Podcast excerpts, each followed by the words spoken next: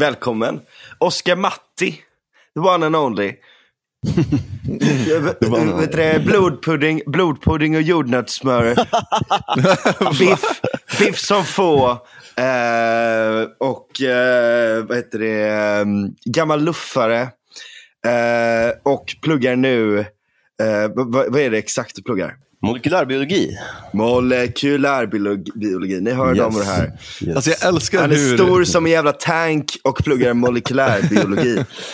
Ja. Och Tack så mycket. Fan fint att man blir, får den här blodpudding straight in the face. Alltså. Det var... Alltså, ni, det här måste ni nästan förklara. För det här flög över mitt huvud kan jag säga. Okej, ja, men vi kan förklara. Jag la ut en bild eh, en gång på, på Twitter. Ja. Eh, där jag ville provocera lite grann. Jag ville utmana. Det är en sån där eh, grej jag gör. Och, eh, jag, jag hade helt enkelt lagat mat. Det är eh, bra, bra gains-mat för musklerna. Så jag har helt enkelt mikrat upp eh, några blodpudding-slicer. Och så har man brett på jordnötssmör på det. Det eh, ja. Jävlar. Och Twitter verkade inte tycka det här var en bra idé. Nej, alltså till, till att börja med så att mikra blodpudding, det låter ju inte så nice. alltså, och jag, jag är ett stort fan av jordnötssmör dock. Eh, Men eh, att ha det på blod... Nu äter jag i och för sig inte blodpudding alls, men, men eh, att ha det på blod... ja, Jag vet fan. Nej, jag Ja. kan förstå om folk blir upprörda. Det, det låter väldigt eh, äckligt. Stor, stort och smått, högt och lågt. Men det, det, det känns som att det, det är i alla fall... Det kan ju eventuellt vara så att det är liksom mest gains per krona. Ja, men det är typ det. det. Det kostar väldigt lite. Det är också väldigt effektivt så att du eh, behöver bara diska din tallrik om du mikrar det. Ehm, alltså, Du bara lämna den i mikron, det är ingen liksom, sån process. Eh, jag har behövt halvt göra avbön för det här. Uh, försökt utveckla min matlagning lite. Så ja, gamla, gamla synder. Men ja, det andra är också, jag är gammal luffare. eh, och eh, ja, eh, tränar i alla fall en hel del. Men jag har faktiskt blivit mindre på sistone eh, än jag var förut. Jaha. Hur Lite kommer det sig? kopplat Är det för att till, du har eh, pluggat? Eh, ja, jo. Delvis. Men också för att jag har upptäckt att det är kanske inte så hälsosamt att vara så himla stor. Och trycka i sig liksom bulkmat hela tiden. Nej, jag fattar det. men hur stor var du egentligen? Nej, inte, inte så, men jag, jag är typ 1,78 lång och vägde drygt 100. Liksom. Mm. Så det är ändå så här klart större än vad man behöver vara. Liksom. Ja. ja det är ju, jag är ju längre än så, men äh, väger betydligt mindre kan jag säga. ja. Jag är en skinny Men man. hur är det där med sån mat och sånt där? Jag läste på, på grod-twitter någon sån här eh, eh, schizohögersnubbe liksom, som, som sa att lakrits är dåligt. För Ja. att det gör en bög liksom. Är det sant? gör en bög. ja, men det är väl sant. Det, det minskar väl testosteronet i kroppen, va? Ah, det är så de tänkte. Hmm. Ja, Jag tror Ja. det. Jag, jag vet inte vart jag har hört det eller om det är sant överhuvudtaget. Men, men det ringer en klocka att det, det stämmer. Det är väl samma sak med, eh, vad heter det, som man käkar som vegetarian ofta, och som man äter i Thailand gärna. Vad Tofu, va? tofu, Ja, just det, tofu. Ät, äter man inte det mycket i Thailand? Eller? Ja, man äter det i hela Asien. Ja. Men det är väl en sån grej som ökar testosteronet? Har jag fått Nej, lök ökar har jag hört. Lök? Ja, gul lök. Jaha, det var så fan. Det var väldigt oväntat. Ja. Jag har också hört det. Jag har också, jag har också försökt använda det. Ehm, Har du det? Blodpuddinglök och jordnötssmör. Jävlar. Balanserad diet som har fått tillräckligt mycket test också. Jag tänkte säga det, jag, jag har ju börjat hålla på med åldrande forskning, försöka ta reda på mycket om det. Men eh, just vad som gör dig bög kan jag tyvärr inte riktigt. Nej, men jag tänkte det, att i, för det, det är lite det som det här avsnittet kommer handla om, åldrande forskning då. Men, men jag tänker, bara som en rolig segway där, med mat och sånt där. Alltså hur mycket, alltså det är klart att det spelar roll typ, men det fattar man ju, men liksom där känns det nästan som att typ, okej, så här, undvik obvious grejer som så här, ja, men, oljor som, alltså så här, oljor som bara är transfetter. Alltså, så, som typ hettas upp i flera gånger till flera eh, hundra grader. Såna här seed, seed oils liksom. Den fattar man. Check. Det, fattar inte jag. Berätta. Okej, ja, men det är så här. Det, typ det är rapsolja, liksom... är det dåligt att steka i? Ja, men, liksom? Nej, för det kan kallpressas. eh, Men, men det finns vissa oljor som är gjorda av typ slaggprodukter. Eh, I princip, som är så här, men, så här eh, eh, vad heter det, bomullsfröns ehm, grejer. Ehm, eller ja, bomullsfrön eller typ bla bla bla frön till massa olika saker och sånt där. Och de producerar en olja som inte är så god. Ehm, så att, vad man gör då är att man hettar upp den till 500 grader, sen får det svalna och sen så hettar man upp den igen. typ. Och så här, alltså Det är någon sån extrem pasteuriseringsliknande process, där man, fast man hettar upp den asmycket. Typ. Men, eh, och det, Då skapas asmycket transfetter och typ de bra fetterna bryts ner. Och så blir de bara typ så här klibbiga fetter som inte har någon core typ i sina celler utan bara blir slafs liksom i kroppen. Som jag har förstått det. typ. Eh, och sånt fattar man ju. Att, att liksom, det kanske inte är så jävla bra. Och, och, och det, man kanske inte ska trycka i sig grejer som har extremt mycket hormonella medel i sig. Ehm, och, och sånt. Men, men hur mycket spelar det roll tror du? Vad man äter? Hur mycket, ja, men hur mycket tänker du på sånt? Liksom? Behöver man vara jätteorolig över, över om man bara köper typ helt okej bra mat? Liksom? Nej, alltså, jag tänker en del på det. Det, det har jag också försökt lägga om själv. Ehm, jag skulle säga, tran, just fetter har jag faktiskt inte bäst koll på. Därför att just typ transfetter, det är bara uppenbart att det, det finns liksom inget kontroversiellt i det, det är inget bra. Ehm, mättat och omättat fett, det är lite mer så här, ja, omdiskuterat. Jag vågar liksom inte riktigt säga, men det finns en del som tyder på att liksom, mycket mättat fett kan vara bra. Ehm, jag brukar bara Just köra... det, det är det man vill ehm, Det är det som finns i så här kött och smör och sånt. Ja, exakt. Eh, och Det är så det som ligger bakom dieter som LCHF och keto, att man ska försöka ha mycket. Jag har kört den själv också. Det finns vissa som tror att det är skadligt. Jag är, det jag har hört från så här på min kurs och sånt här är att även, även eh, kursansvariga och så vågar typ inte säga. Det, det är för, för vagt. Liksom. Men eh, det, man, det som är bra med det är att det kan hålla blodsockret lågt. Det är bara så här, det är min tumregel. Att så här, det som inte höjer ditt blodsocker är bra mat i regel. Liksom. Ehm, och det, kommer, det hör ihop med, med longevity, med att leva länge, definitivt. Det finns flera... Man vet nu mer om hur det påverkar cellerna rent eh, signalmässigt, som gör att det är bra. Ehm, sen så är det bara typ så också, alltså, det är såna, såna grejer som man egentligen vet. Typ så här, ät mycket grönsaker. Det är, alltså, Av olika slag. Det, det är inget, inga jätteöverraskningar. Så om man är vegetarian eller peskatar, heter det pescetarian? Pescetarian. det är bra då i sådana fall? För att, Ja, det alltså, eller så här, Inte för att kött nödvändigtvis, inte för att jag menar att kött nödvändigtvis skulle vara dåligt, men jag menar att det blir ju naturligt så att du kanske äter mer grönt om du inte har kött också. Absolut. Om du ersätter det med bra grejer så, är det, så tror jag att veganer har ganska bra hälsostatistik. Just för att de får vara medvetna om vad de liksom stoppar i sig. Tyvärr, jag har en, en sak som när jag har lärt mig om det här som har varit ett personligt eh, dråpslag. Och Det är just att jag har behövt inse att kött kanske inte är så bra. Är det så alltså? Va? Chocken, chocken. Va? Det känns som att man ändrar sig hela tiden. Liksom. Ja, men om man kollar på typ så här Jordan Peterson så förespråkar väl han en sån här idé att när du bara äter kött i princip. Ja, ja visst. Ehm, Carnivore. Ja, exakt. Och det låter kanske bra, men så här, samtidigt, så här, människan var ju inte bara en köttätare. Nej. Vi, det, det var aldrig så att vi bara gick runt och dödade djur och det är ganska få djur som gör så faktiskt. Och vi, vi var definitivt... ehm, vad det gör är att det, det kan... ehm, det uppreglerar en slags signalväg i cellerna. ehm, som heter um, mTOR. Eh, och den, den stimulerar helt enkelt tillväxt. Så man kan säga att kött är bra om du vill bli stor och stark. Det är liksom ingen överraskning. Men kanske inte det bästa om du vill bli gammal och åldras långsamt.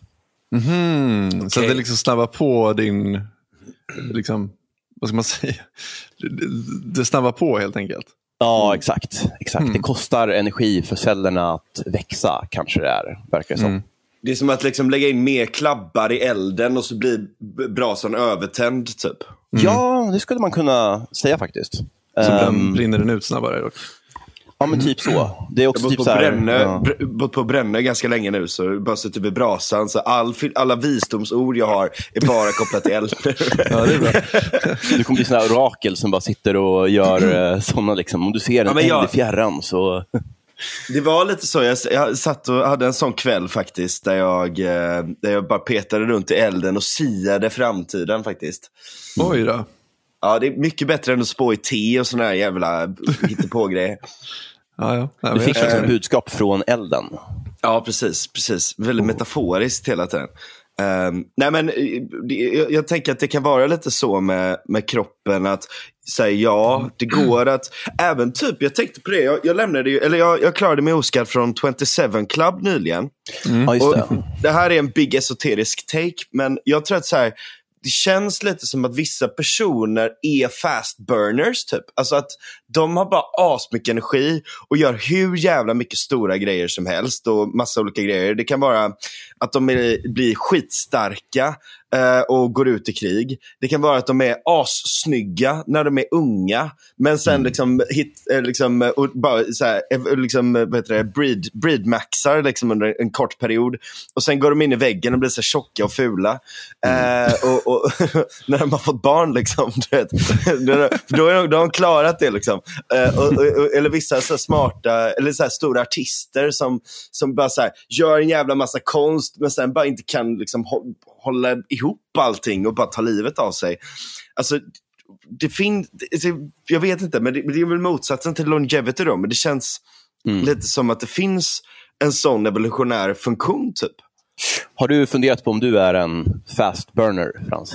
Ja, det har jag. Men jag, Okej. jag tror att jag hade kunnat vara det, men att jag har typ lugnat ner den processen lite. Mm. Det är intressant. Jag, jag tror att det kan vara lite segway också. Jag kände mig lite som en fast burner också när jag var yngre. Mm. Ehm, eller så här, jag hade verkligen liksom ingen stoppknapp. Ehm, jag tänkte också mycket på det här att du, ja, mitt förhållningssätt till, till att dö var bara ungefär att ja, du kommer dö en dag. Liksom. Det är bara så det är. Så det är ingen mening att tänka på det. utan Däremot så, här så kan du göra ett alltså, mer värda upplevelser om du går liksom all in för det. så att säga. Uh, Skitsamma vad som händer om du blir 50, eller 40 eller 100. Liksom. Men jag började också lugna ner mig eh, i takt med att man faktiskt ja, typ kom förbi 27 Club liksom, och så vidare. Mm. Ehm, så, men det, ja, det, det du säger, det är evolutionärt så make it ever sense kanske. Jag, jag har ingen så här mer än killgissning utöver det. Liksom. Ja, nej, men jag, jag, jag försöker. Jag tror, att, jag tror att jag kan ha läst någonting eh, om, om det. Liksom. Jag har väl, jag väl tagit mig igenom två kursböcker av, eh, av evolutionär psykologi. Men, ehm, och, och läst väldigt mycket om det på, på fritid. Jag tycker det är väldigt spännande.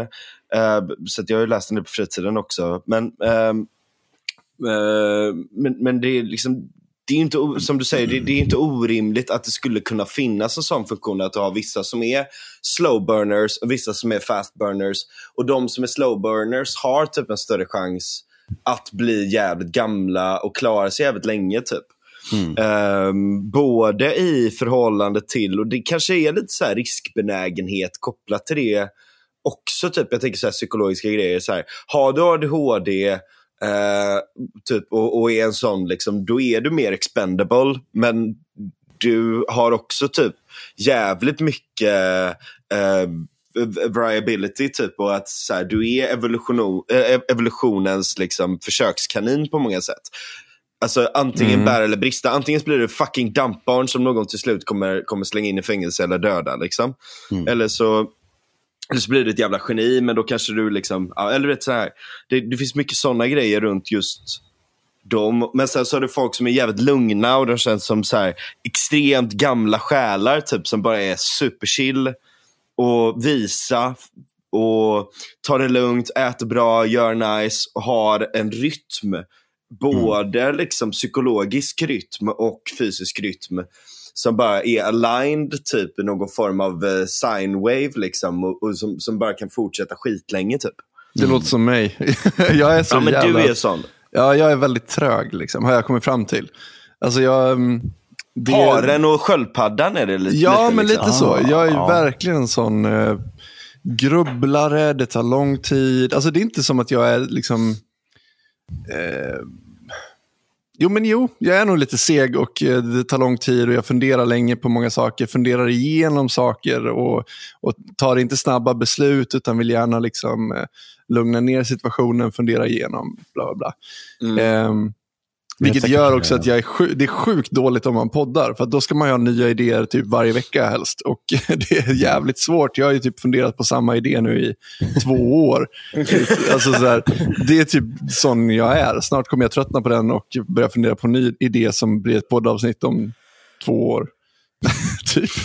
Jag känner Men- som en slags mellan de här. Alltså. Det, jag kan också tänka superlänge på en idé, men jag känner samtidigt det här att man gärna... ehm, blir, du så här, du blir inte så lätt kanske, kanske exalterad heller. Alltså upp i varv. Nej, det skulle jag inte säga. Um, Ja, på det sättet så är jag fast burner. Alltså att jag, jag blir gärna, om jag går in i ett projekt så blir jag gärna så här, ah, nu, vad ska vi, liksom, kolla vilka möjligheter som finns. Uh, börjar, ja, eh, ta, ja, ta, ta massor av initiativ på en gång. Liksom. Det, det är nog ganska, ganska fast burner kan jag tänka mig. Mm.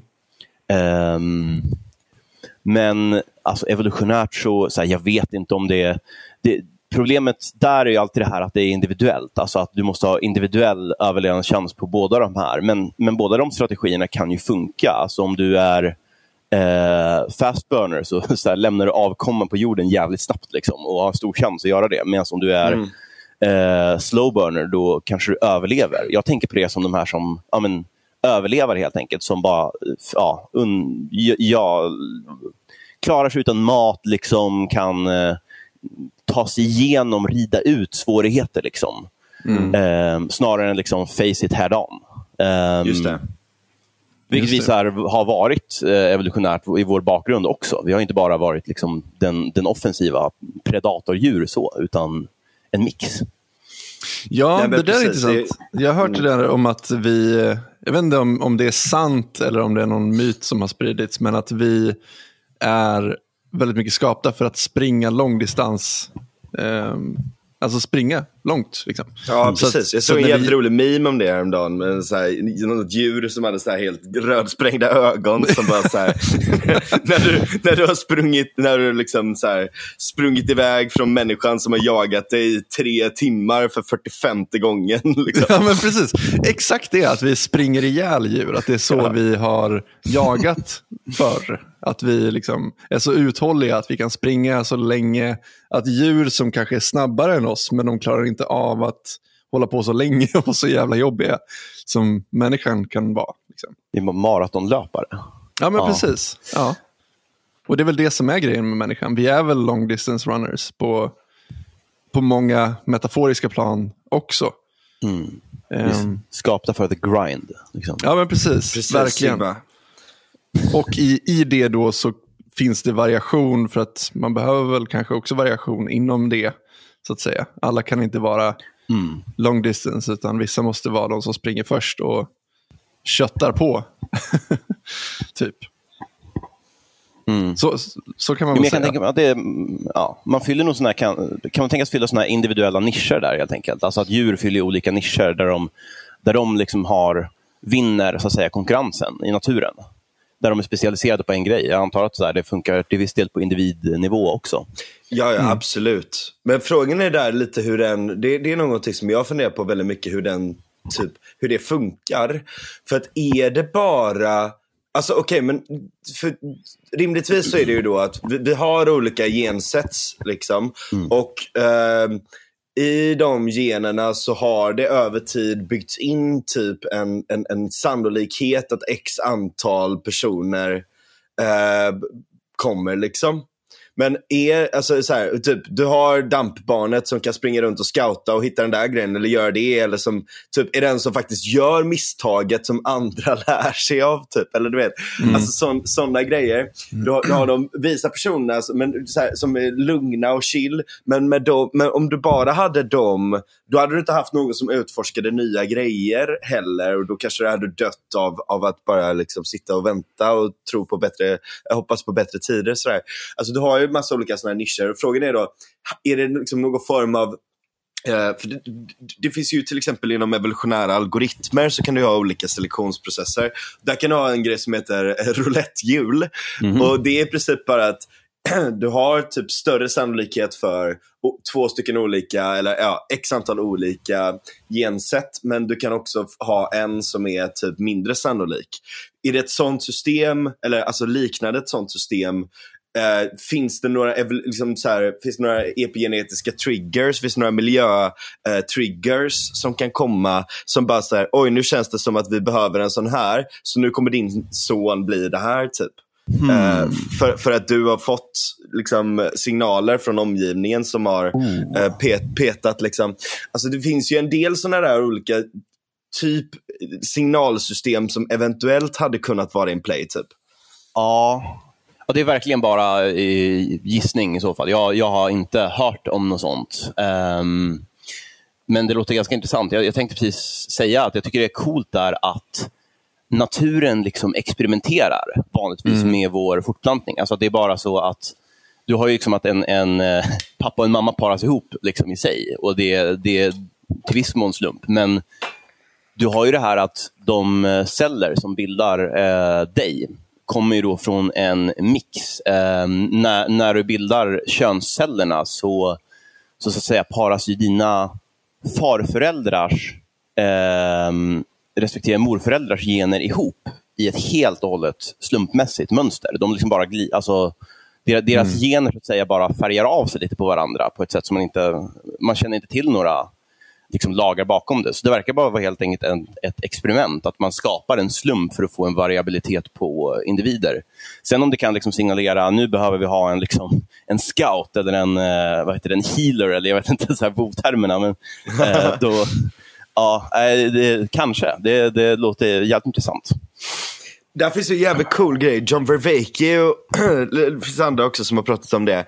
Eh, evolutionära trycket på att selektera fram schamaner. Mm. Fast det, där, det låter lite, och det, det låter sant, lite liksom, bakvänt. Gör det inte det? Alltså att det finns ett tryck. Vi har pratat om det här i podden för länge, länge, ja, just det, just det. Ah, ja, men just okay. att, nej, men, att, det finns, nej, ett, det finns en fitness av det. Liksom. Ja, men precis. Det finns en, en, fitness av det snarare. Och att det är en slump att det dyker upp en person som kan fylla den, det behovet. Eller vad man ska säga. Ja, men eh. precis. Ja, men för där är ju schamanen är ju, det är ju dels här, typ, det, det, det blir liksom den som har som kommer ihåg allting. Typ. Den mm. kommer ihåg hur man, hur man blandar ihop olika örter för att få den där grejen. Eh, mm. Och Det kan vara helande örter eller det kan vara att uh, han får visioner och genom dem så skapar han vissa mytologiska sagor som gör att folk binder samman och får uh, en, en känsla av enighet runt att så här, typ vi har våra sagor om hur världen funkar och vi är speciellt utvalda för våran shaman har direktkontakt med gudarna. Så fuck er jävla fattiga fucking fittstam som ligger där borta som mm. suger för er shaman, liksom, ni har ingen shaman. Eller du vet så här, mm.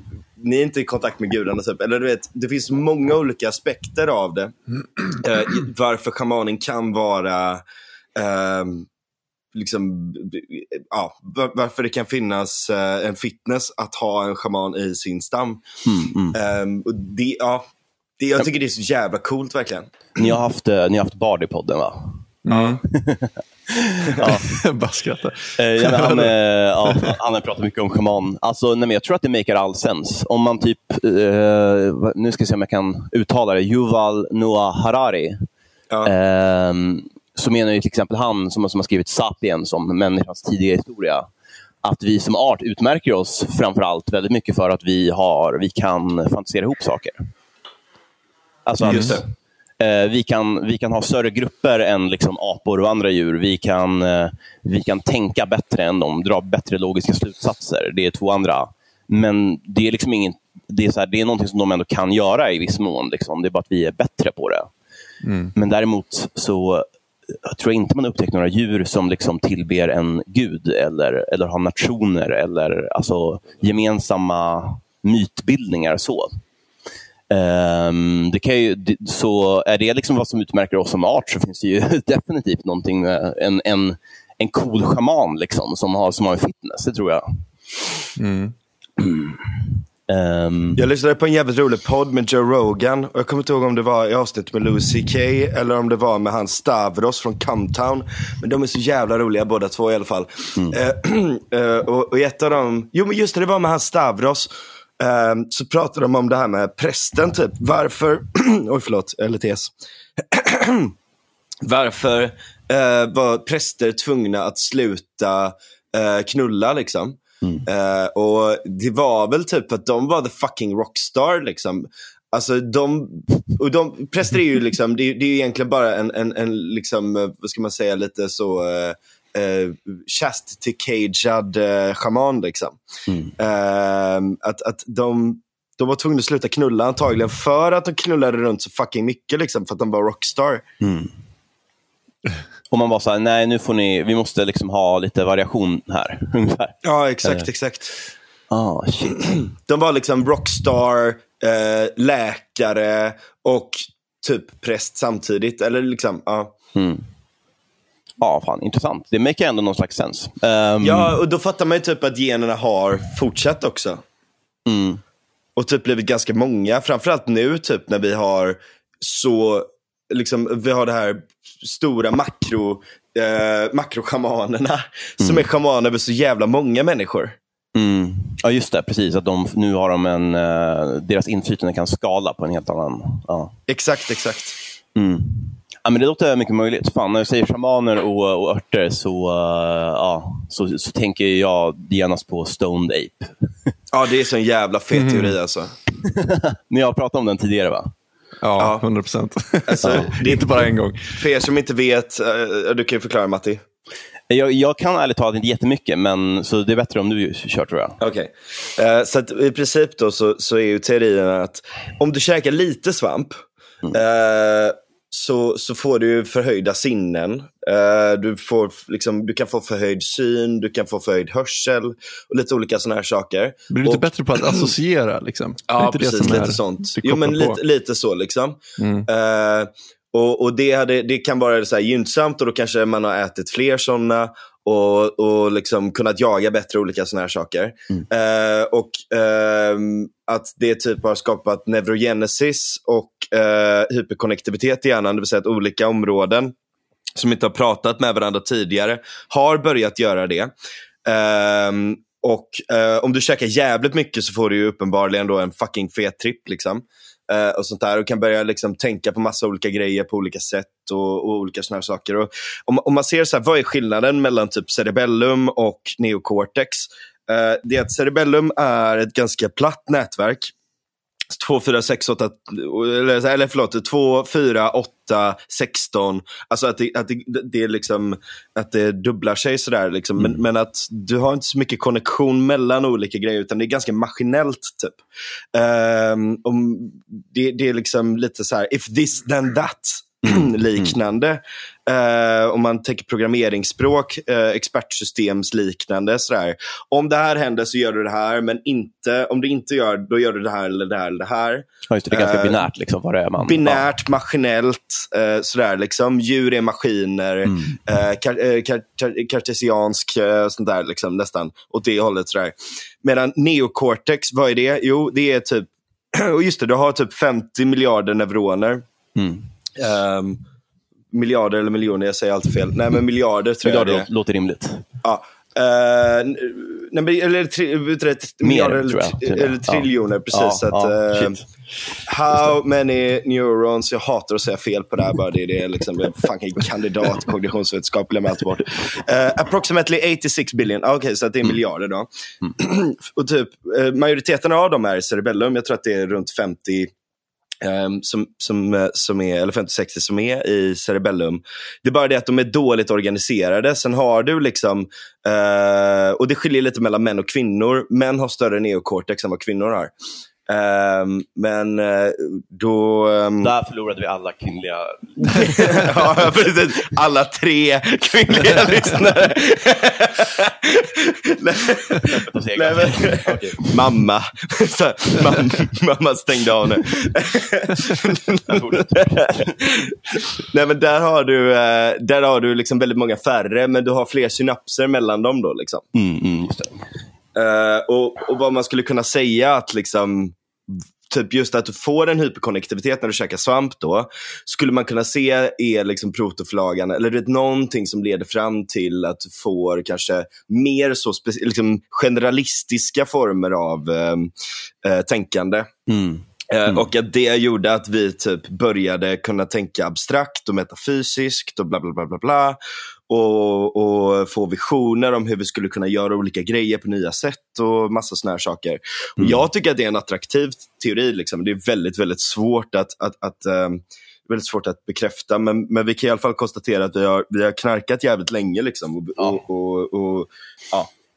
Ja, men shit. Det, det, här var, jag har inte hört hela förklaringen tidigare. Det här eh, var mycket seriösare än de jag har fått höra. Um, det enda jag inte så förstår, jag, jag, jag, fick massor av associationer från det här som jag vill gå vidare med, men jag har svårt att greppa just det här evolutionära i det. Alltså hur skulle det här så att säga, föras vidare? Blir det då att de individer som är benägna att få de här kopplingarna förökar sig mer eller att det på något sätt påverkar oss på ett sätt som vi för vidare direkt liksom till alltså en, en förändring som vi för vidare? Eller hur? Mm. Ja, precis. Det här mm. känns ju mer som en kulturell företeelse som förs vidare av generationer snarare än evolutionär. Ja, exakt. Exakt. Mm, okay, ja. Jag, jag, jag, jag, bara säger, jag vet inte, men, mm. men det, det, känns ju mer som det snarare än någonting som... För jag antar att det, det gör, alltså svamp gör väl inte om ditt DNA? Liksom. Du kan inte föra, mm. föra liksom en, en svamp tripp Nej, men det förändrar, ju, det förändrar ju, det kan ju förändra ditt beteende på ett sätt. Alltså jag menar, de generna som du föds med är inte generna du har hela tiden, utan de förnyar ju sig hela tiden, generna. Mm. Och, då, och det kan ju få en effekt då av miljön runt om dig. Eh, eller ditt beteende eller liksom olika sådana här saker. Så att om du sätter i praktik ett nytt beteende på grund av att du käkar svamp, så ja. kan det vara någonting som leder till, ett, eh, till att dina en, gener ändrar sig över tid. Mm -hmm. för att du ändrar ditt beteende och du ändrar och därmed liksom miljötriggers blir annorlunda också. Ja, just det.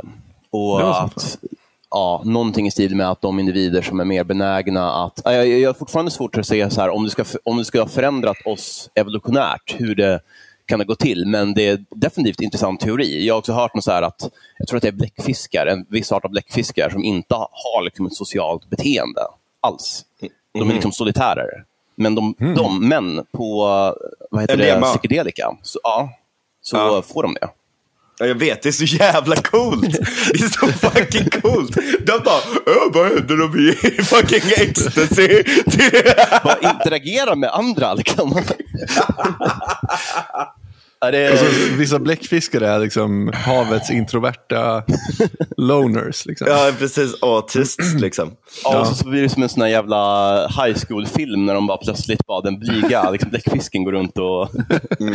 det är kompis. Alltså, uh -uh. Hörde det alla blyga människor där ute? Testa att ta en del ja, uh, alltså jag, tycker det, jag, tycker, jag tycker det här är oerhört intressant. Det, det jag har fått förstått, jag, jag kan det absolut inte på samma nivå som du Frans med vad, vad det faktiskt gör med hjärnan.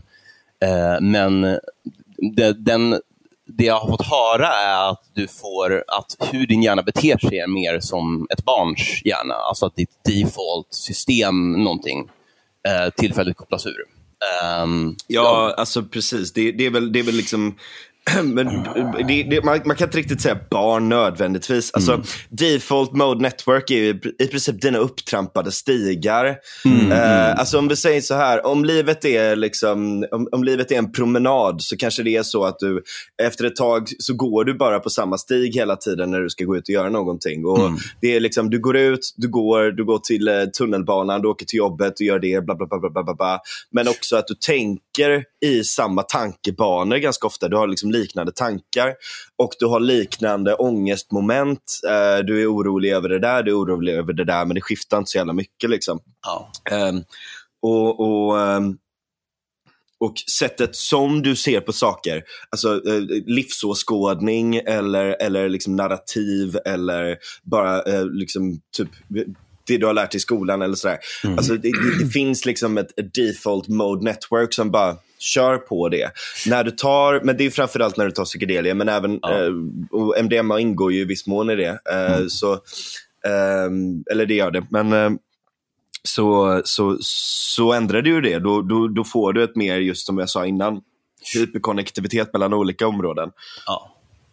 Ja, just det. Precis. Nej, men det är väl oerhört effektivt det här. Alltså att du har eh, sätt att handla på som du är jävligt van vid och därför bra på. Så att du sorterar bort massor av intryck och så vidare.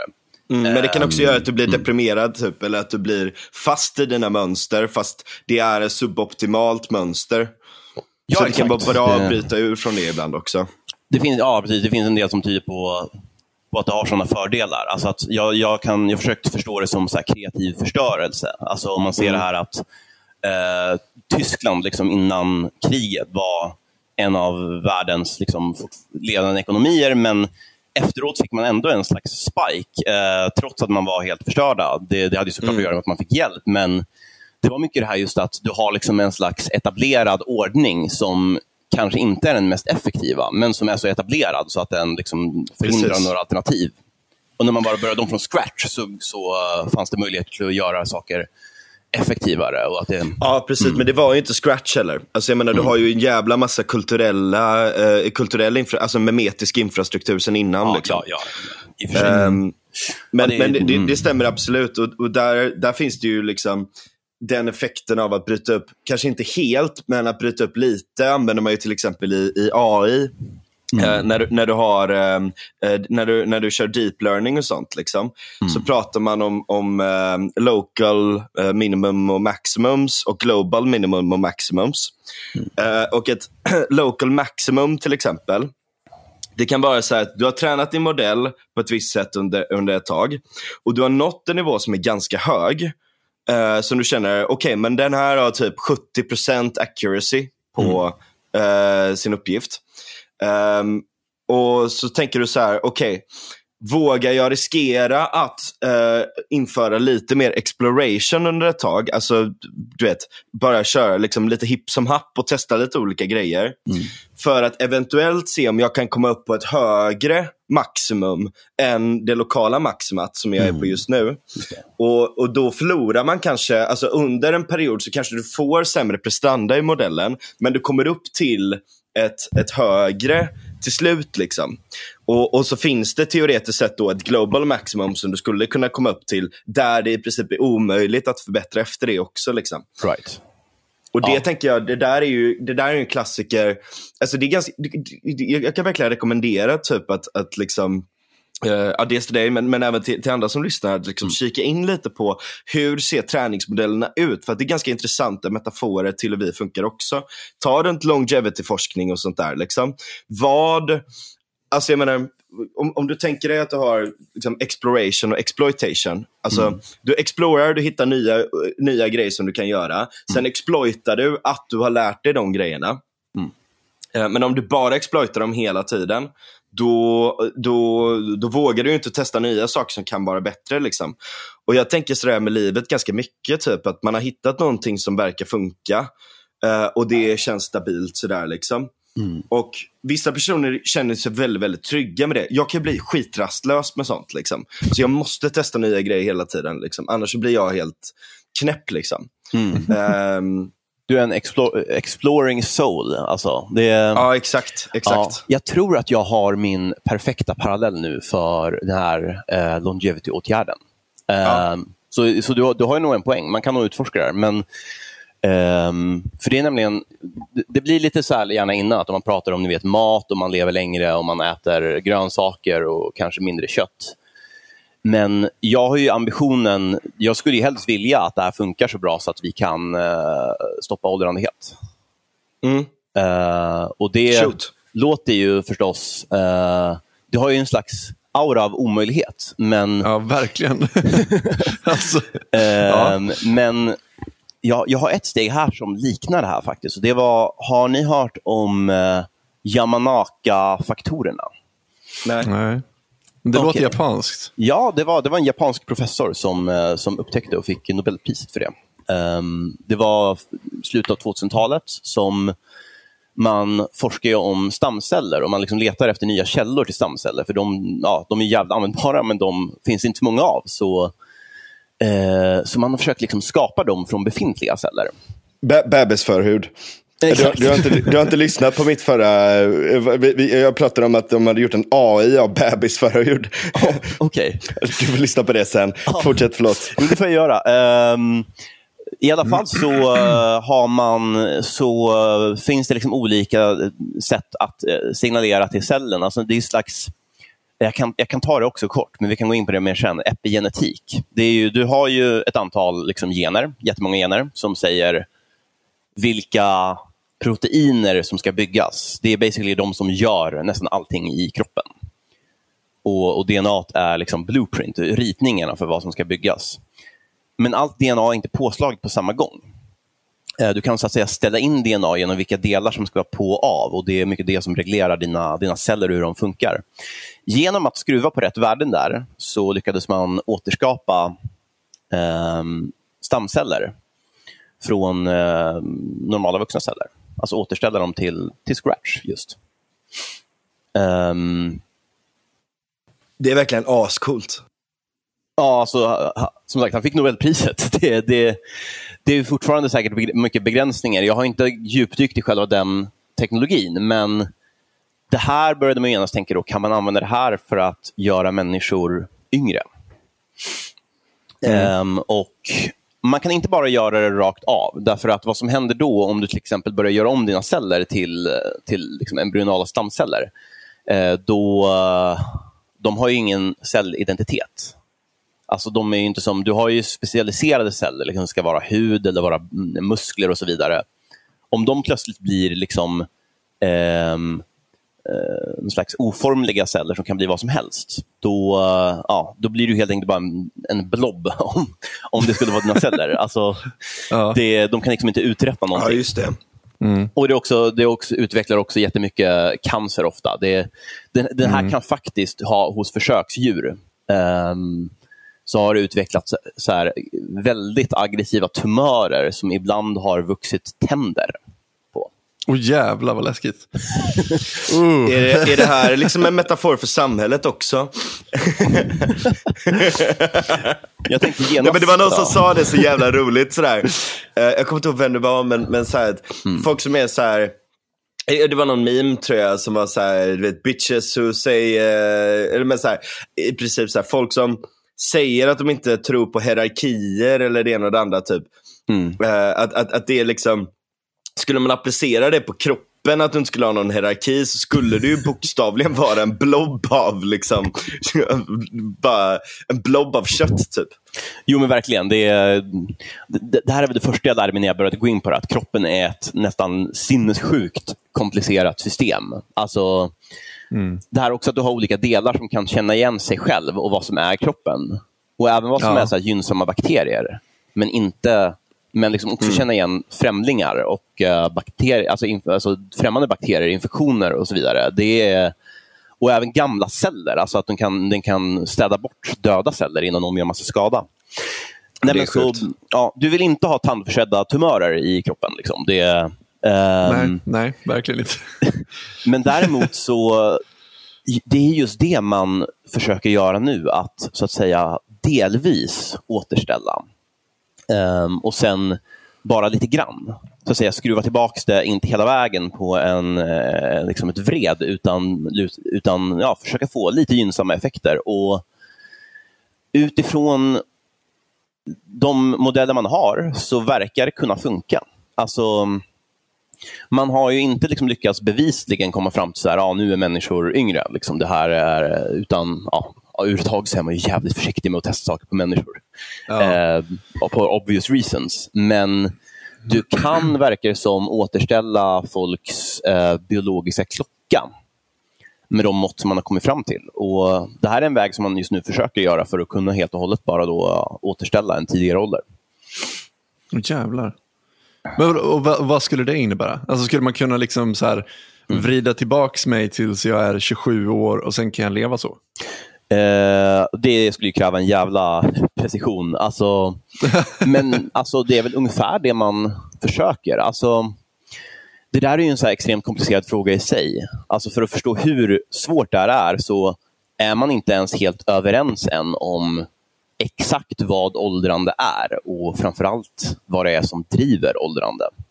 Mm. Alltså det är fortfarande en, eh, en, en omdebatterad fråga. Så, um, men teorin här är ungefär att du har ju som sagt en, en, en slags inställning på dina celler, en epigenetik, och den förändras. Den förändras mm. med åren också på ett förutsägbart sätt. Alltså att det, det är vissa, vissa gener som tillfälligt stängs av och vissa som slås på. Och att det i längden inte är så bra för din kropp. I, läng i längden ska det då göra dig skörare, mindre motståndskraftig, lättare för att få alla typer av problem associerat med hög ålder helt enkelt. Um, mm. Teorin är då ungefär att det är den här förändringen framförallt som driver att kroppen uh, förfaller. Och om du kan vrida tillbaks de här uh, inställningarna så kan du också vrida tillbaks din ålder. Mm. Helt enkelt. Jävlar vad sjukt. Men och, det det måste ju föda väldigt mycket etiska liksom, frågeställningar. Inte, inte bara just det här att, att faktiskt testa det här på en människa. Bara det är mm. ju ett ganska, en ganska stor tröskel att kliva över, vilket jag tror ska ganska mycket till innan man gör det. Vad vet jag, men jag kan tänka mig det i alla fall. Men också det, vad, vad, jag menar, vad, vad skulle det här innebära för jag menar, väldigt, alltså det är ju väldigt fundamentalt för människan att vi lever under en viss tid och sen dör vi. Ja. Eh, det är ju sjukt fundamentalt hur evolutionen fungerar, hur samhället fungerar på väldigt många sätt också. Ja. Eh, Verkligen. Absolut. Alltså, jag känner mig själv inte jätteorolig där. Um, dels för det här, ja, jag tycker själv att det känns sjukt osoft att dö helt enkelt. Och, ja. det är väl en ganska naturlig inställning i och för sig. ja, jag försöker ju göra det här. Liksom. Men eh, som sagt, hittills har vi inte fått några hårda liksom, resultat på så sätt att vi har gjort de här människorna liksom, förutsägbart tio år äldre och vi vet hur vi har gjort det. Liksom. Um, mm. Utan um, så här, om vi skulle kunna komma fram till något som gör människor att vi kan leva 20 år längre i snitt. Mm. Eh, det skulle vara en oerhörd framgång. Alltså, om Yamanaka fick Nobelpriset liksom, så skulle det här vara ännu mycket sjukare. Liksom. Mm. Eh, och om man då snackar om de här eh, liksom, fantasifulla idéerna jag har om att förlänga med 100 år eller ännu längre så är det liksom en, en helt revolution av vad samhället och livet är egentligen. Mm. Ja, ja verkligen. verkligen. verkligen. Men, så jag känner mig inte speciellt orolig för så här, om vi får 20 år. Det var bara det. Men där är det också typ, jag menar, så här, du skulle inte vilja förlänga det med 20 år om det är typ att så här, ja, du är i samma typ halvvegetativa stadie som du är när du är 90, fast i 20 år till typ. Mm. Alltså det, det, det hade inte intresserat mig så mycket. Mm. Uh, däremot att typ att vara som man är, säg runt ja, men realistiskt 40-50 typ, fast 20 år till efter det. Alltså om, om mm. man ska mm. vara realistisk. Man förlänger liksom. medelåldern liksom. Ja. ja, exakt, exakt. Det, det mm. hade ju varit, det hade ju varit någonting. Det, där tänker jag typ så här, Joe Rogan som kör på testo-grejen där, liksom att din när du, när du blir typ ish 50 eller något sånt där, mm. uh, då, då minskar ju din testoproduktion så att mm. du blir typ uh, mindre vital. Typ. Du, du, blir, du blir en gubbe helt enkelt. Så du, du har inte lika mycket energi, du har inte lika mycket lust. eh, både sexlust och annan lust. Liksom, och du vet, massa såna här olika grejer. Liksom. Ja. Eh, så vad du, vad du kan göra är bara att så här, forcera att testoproduktionen fortsätter. Mm. Ehm, genom att i princip du rubbar ut den. Liksom, för att när du börjar ta det så kommer du inte producera lika mycket själv. Och om du slutar med det, då är det fucking bad. Liksom. Så att det, det är liksom dedication om du ska göra det. Eh, så då måste du bara liksom, gå på en sån uh, test och replacement bla bla bla, bla, bla grej. Typ. Ja. Men det verkar ju funka typ samtidigt. Mm. Så jag tänker typ, det är ju ett sånt sätt liksom att hålla, att liksom dra ut på medelåldern. Just det. Alltså det, det, är det, här, det är det här jag försöker åstadkomma. Alltså vissa som håller på med sån här forskning, de slutar till och med kalla det för livsförlängande för att det låter för liksom, ooh, out there. Liksom. Utan de, de pratar om health span, alltså att det här förlänger dina hälsosamma år.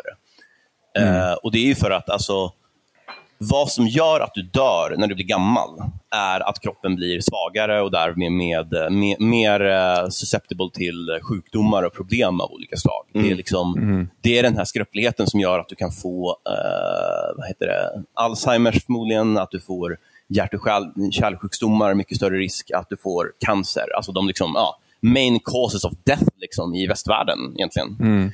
Ehm, så att om du hamnar där, då är det redan kört. Så att säga. Då kommer du ha den här risken redan. Målet är så att säga där att hålla dig under, alltså att återställa din, din liksom biologiska klocka till innan eh, du blir så pass eh, gammal. Så absolut, det, det jag tänker mig här är ju att du får, du får ett längre produktivt liv helt enkelt. Det blir kanske ja, som det är när du är 30, 40, 50 eh, under längre tid. Om, om det här då skulle funka i sig 20 år, då, då kan man ju förvänta sig att karriären kan dras ut med åtminstone 10-15 år. Ja, vi kommer ju behöva höja pensionsåldern kan man ju säga. Ja, det är en sån grej. ja det är, absolut. Det är en sån här, eh, verkligen, så här, att nu har vi ju så här ett förhållningssätt verkligen. Att du, du jobbar tills du är 65-70 och sen så eh, lägger du ner. Liksom. Och då, får man, då skulle man ju behöva tänka om. Eller liksom, ja, men det... Det är många saker man skulle behöva tänka om kring tror jag. Alltså generellt. Hur, hur gör man med... Alltså, nu, nu bara spekulerar jag vilt här, men jag tänker bara så här. I en förhandlingssituation eh, om, om lön, säger vi. Jag menar, lön är ju ändå så här, du lägger ner tid av ditt liv för, i- på ett jobb. Eh, och då antar jag att liksom, eftersom ditt liv är ändligt, eh, det är kortare nu än vad det skulle kunna bli då. Ja. Eh, det är ju en, en, ett argument för varför du ska ha högre lön på, på ett plan. Liksom. Sen är det inte självklart bara det som avgör vilken lön du hamnar på såklart. Men det är ju i alla fall en, en aspekt av det. Om du helt plötsligt lever i, i 20 eller inte vet jag, 100 år längre, Eh, bara en sån sak. Alltså det, det, liksom, det blir på så fundamental...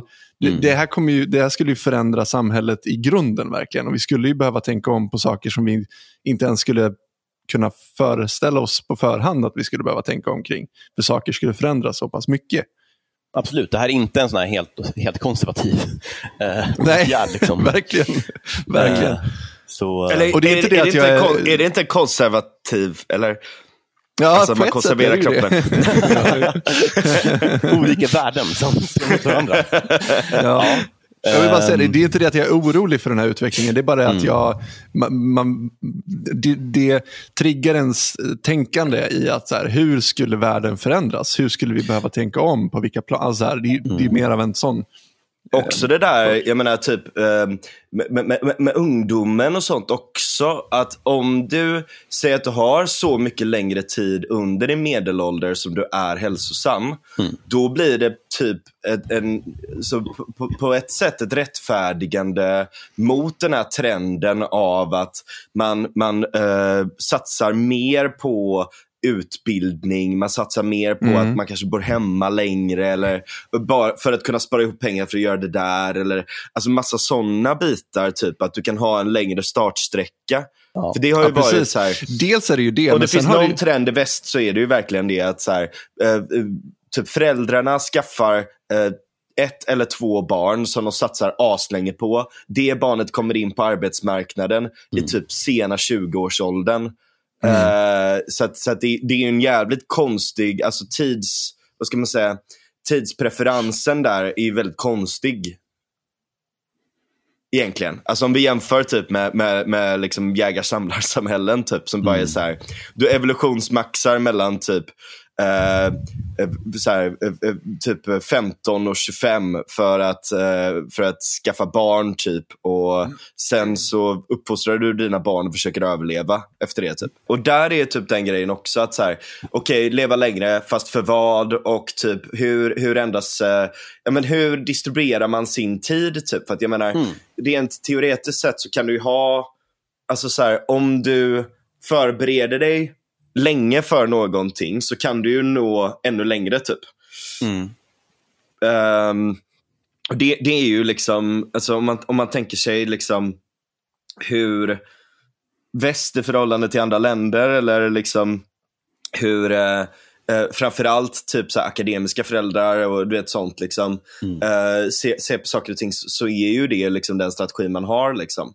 Och liksom. det, jag tänker att, oh, fuck förlåt. um, ja. Det blir så när man talar i röven. Nej, men, ja, det är um, så. Då, uh, nej men just, just den biten då, att hur, uh, hur kommer det påverka? Säg att vi, fyll, säg att vi kan, kan leva tills vi är 150. Mm. Och du har, och ditt, din medelålder är mellan 30, eller till och med typ 35-40 till typ 70, 80 eller du vet så här. Ja. Alltså, eller ännu mer. Eh, då, då blir det ju väldigt annorlunda det där. Mm. Och det kan ju också vara så att man typ hamnar, man kan platåa på någon form av så här pensionsålder ganska länge. Men å andra sidan, det är typ ganska osannolikt för att alltså, om det är någon ålder som kan vara rimlig att platåa på, eh, temporärt då, eh, så, så är det ju typ när du är i medelåldern. Det vill säga du kan fortfarande träna, du kan röra på dig, du kan göra massa olika grejer. Mm. Uh, men du håller dig igång och du håller dig aktiv. Typ. Det, alltså, så länge du typ går ut och, och tränar minst fem gånger i veckan och uh, rör på dig och äter sunt och typ stimulerar din hjärna och såna här saker så, så det är den åldern man troligtvis skulle kunna platåa på. Men då måste du hålla uppe det hela tiden också. Ja. Alltså det är så ungefär teknologin är tänkt um, att göra. Alltså att man pratar just om det här, om det funkar med en återställning så är det ju att din kropp är på så att säga, en viss nivå. Um, och om vi liksom testar olika saker för om man kan vrida tillbaka det här, säg med liksom, ja, ja, vi har ju pratat om 20 år längre liv, men liksom, säg att du kan vrida tillbaka det här med eh, en månad, ja, kanske inte så mycket. Alltså ett, ett år, ja, det är fortfarande liksom bara ett år, men kan du, ja, säg att du kan göra det här och säg att du kan upprepa det. Mm. Då, har du ju, då, har du en, då kan du ju platåa indefinitely, liksom, så länge det mm. funkar. Um, sen så är frågan om det verkligen kommer funka på det sättet. Men om det gör det, så då kan du stanna ja, som, som att du är 50 eller att du får fler år som ungefär 50. Liksom. Mm. Eller 40. Och, absolut, det, det kommer, jag tror också det kommer bli väldigt annorlunda om det skulle bli så. Uh, jag ser mycket fördelar med det. Jag menar absolut inte att det bara är det, men till exempel att du själv är på jorden en längre tid, det, är så här, det kommer belöna liksom en längre tidsinvesteringar, alltså på längre projekt så att säga. Mm. Uh, mm. Exakt. Det blir viktigare för dig vad som kommer hända i liksom relativt nära framtid, liksom, inom ett sekel, än vad det är om du tänker att du kan lika gärna dö ja, när du är 60. Liksom. Um, mm. ja.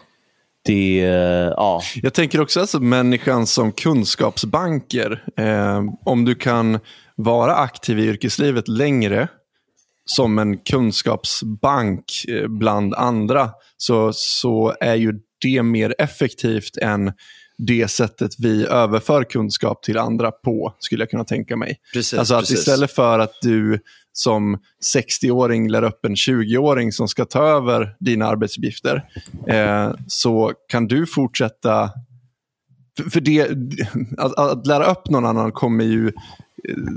Du kan aldrig lära upp någon så att den kommer vara på exakt samma nivå som dig. Utan det, det är ju det är mer lönsamt egentligen då att, att du är kvar i yrkeslivet i, i 40 år till med den kunskapen du har och den kunskapen du kan samla på dig därefter. så att säga. Mm. Um, och även på ett större plan. Jag menar, vi, människan har ju samlat kunskap i, i böcker och så vidare för att vi på kollektiv nivå ska ha en kunskapsbank som vi kan bygga på och så vidare. Men det är ju hela tiden nya människor som måste bygga på den här kunskapsbanken. De måste lära sig he, he, hela den här grejen igen. Eh, och jag menar, skulle man kunna korta den arbetsprocessen så att säga så skulle vi kunna utveckla mänskligheten på ett snabbare sätt skulle jag kunna tänka mig. Mm. Nej men Absolut. Jag tror eh, också om man kommer till typ just sånt som AI-utveckling och automatisering så kommer det förmodligen mm. vara någonting som tar, som tar allt mer, eh, blir allt mer av en resurs.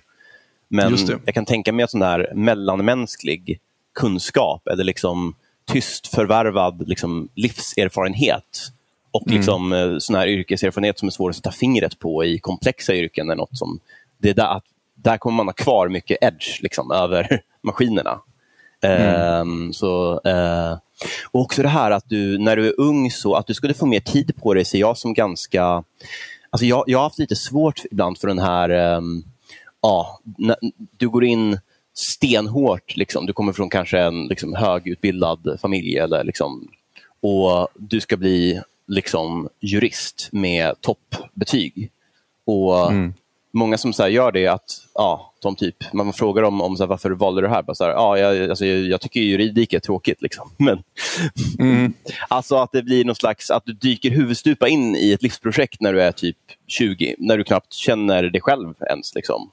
Mm. Där tycker jag så att det, det, det är klart att man ska prova sig fram när man är 20, men att det, det finns nog en poäng för många med att liksom utforska lite grann först.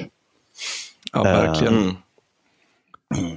Det, det märker jag av väldigt mycket när jag pluggar på, på äldre dagar. Om man ska säga. Jag är ju betydligt äldre än de jag pluggar med. Men det, det ger mig många fördelar på sätt som jag kan se, som, som jag inte tror nödvändigtvis att mina 22-åriga eh, kursare ser. Men jag har pratat mycket med det, med, om det med eh, de som är mer i min ålder. Mm. Att man, man har mer arbetslivserfarenhet, man förstår hur ett jobb fungerar så att säga. Istället för att mm. man ska få den bilden utifrån juridiken så kan vi få det retroaktivt i juridiska. Och Det är lättare att förstå hur saker... Alltså, eller bara en sån sak att, att knyta kontakter. Jag har redan ett jobb. Liksom, så att när jag är klar med min utbildning, då kan jag gå tillbaka till mitt jobb. Mm. Eh, och kanske börja jobba med någonting annat inom det företaget. Medan många jag pluggar med har aldrig ens jobbat i hela sitt liv. De kommer komma ut på andra sidan utbildningen och bara så här, okej, okay, vart börjar jag någonstans? Hur? Så, alltså, det är ju en... Ja. Mm. Mm. Eller bara precis. perspektiv på utbildningen överhuvudtaget. Att, att kunna se att det finns fler perspektiv än det enda perspektivet som vi, vi blir matade med hela tiden. Jag tror att det mm. kommer vara en mm. chock mm. för många att komma ut i verkligheten och se att aha, okej, okay, det här var en teoretisk eh, nivå som, som vi har blivit matade med som är ett, ett teoretiskt perspektiv på verkligheten som inte riktigt överensstämmer med verkligheten. Mm. Det tror jag kommer också vara en, en inlärningskurva som kommer vara tuffare att ta sig igenom när du är äldre och kommer ut i arbetslivet. Mm. Mm. Ja, det där är ju med, många akademiska eh, discipliner har ju också under en väldigt lång tid haft eh, ett tryck på sig, alltså incitament att, vara, eh, att specialisera sig extremt mycket. Eh, mm. för att det är lite den här publisher parish och det enda sättet att publicera saker och ting är att göra sylvassa nya extremt specifika saker mm. i princip. Mm. Uh, och, och, det gör ju att man blir väldigt mycket så här, man, man sitter bara med sitt uh, förstoringsglas hela tiden och, och, och tittar på mindre och mindre detaljer utan att se hur påverkas vårat fält av XYZ eh, Eh, inom andra discipliner att se det som, som ett memetiskt nätverk eller, eller som ett komplext system eh, av, av, av andra idéer eller andra eh, utvecklingar, kulturell utveckling i samhället eller, eh, eller även bara rena fysiska saker. Eh, så, så ehm, de, de bitarna. Och när det väl görs, ja, som, som Daniel nu, vi hade en liten paus nyligen, mm. som, som Daniel klagar över att han alltid måste gå på de här jävla hållbarhetsdagarna där det mm. sitter några så apparatchiks och bara, ja, hur ska vi kunna kombinera, uh, hur ska vi kunna kombinera uh, typ eh, ett hållbart samhälle, eller hur ska vi kunna skapa ett hållbart samhälle? Och för dem så är det bara socialism i princip. Mm. Alltså, hur ska, hur ska vi eh, jämna ut alla resurser um, samtidigt som vi uh, slutar använda fossila bränslen. Men det, är sådär, alltså det, det är ju sånt, den, den viben hela tiden. Då kommer man ut och så tänker man att okej, okay, vi gör alla de här grejerna, men vi måste också ta hänsyn till socialism hela tiden. mm. ja ja, men det, fan det du sa eh, om eh, att fastna i små detaljerna är verkligen något jag försöker med i det här eh, åldrandeforskningen, att undvika. Alltså att det blir väldigt lätt att du orienterar dig kring ett projekt. Jag ska uppnå det här för att jag måste göra det för min karriär. Liksom. Och då ja, är det det som kommer föra fältet framåt bäst? Liksom? Vilken roll fyller det i det här? Det är mer, ja, att det kan bli sekundärt. i um, mm. Nu tog jag upp till exempel de här Yamanaka-faktorerna. Det, det tycker jag är en väldigt spännande grej, men det viktigaste tror jag där är att vi börjar förstå åldrande bättre. Att vi börjar förstå mer exakt vad det är som händer. Vad det är som driver det. När vi väl har liksom en, en väldigt fast förståelse för det och de kan liksom isolera de olika faktorerna, då tror jag att det blir mycket enklare att påverka det också. Um, men det är ju en sån här grej att ett experiment inom biologi kan ta, alltså sträcka sig över tio år. Mm. Om du till exempel ska experimentera på möss, för du går ju liksom i en trappa där. Vi, vi snackade om experiment på människor. Uh, du börjar oftast med, jag tror att det är typ gäst. Uh, det är liksom C. elegans, ja. uh, vad heter det, en mask, en liksom flug... så här. Det, det, det är... Mm, bananflugor eller vad de heter. Ja. ja. Sen till slut kan man gå vidare till liksom, möss och sen människor. då. Um, men alltså här, bara att göra ett test på möss, det kan ju ta flera år att få tillstånd. Sen så tar det mösslever ganska länge, liksom i ja, två, tre år. Eller mm. finns som lever kortare. Men...